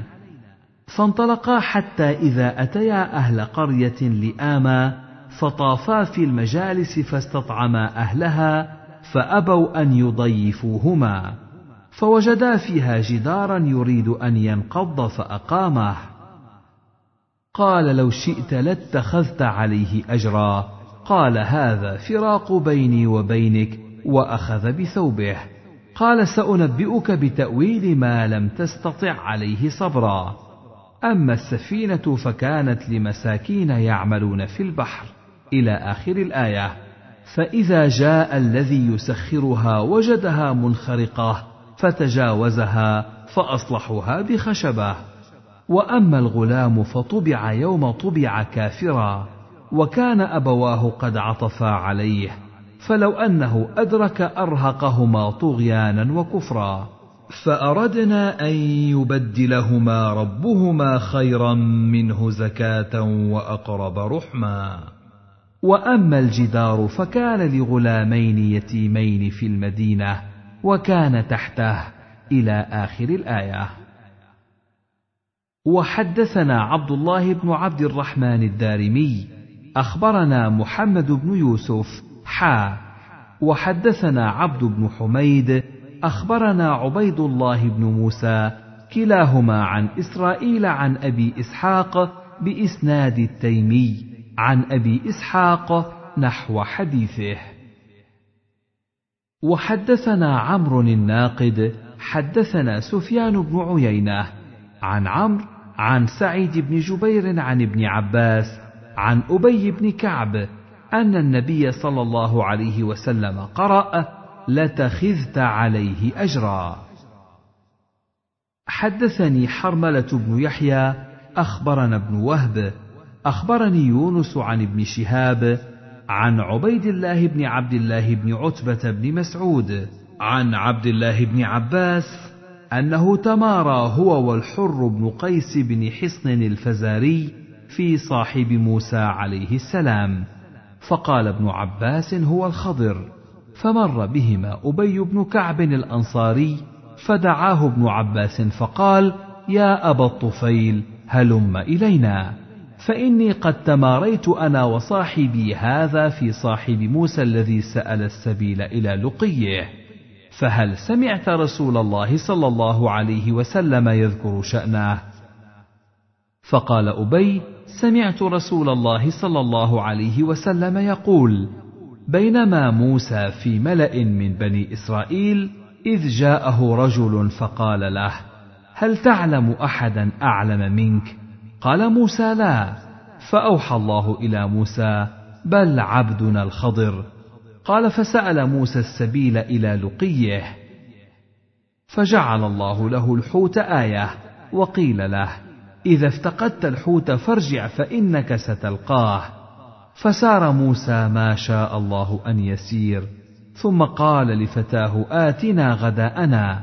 فقال فتى موسى حين سأله الغداء أرأيت إذ أوينا إلى الصخرة؟ فإني نسيت الحوت وما أنسانيه إلا الشيطان أن أذكره. فقال موسى لفتاه ذلك ما كنا نبغي. فارتدا على آثارهما قصصا. فوجدا خضرا فكان من شأنهما ما قص الله في كتابه. إلا أن يونس قال فكان يتبع أثر الحوت في البحر.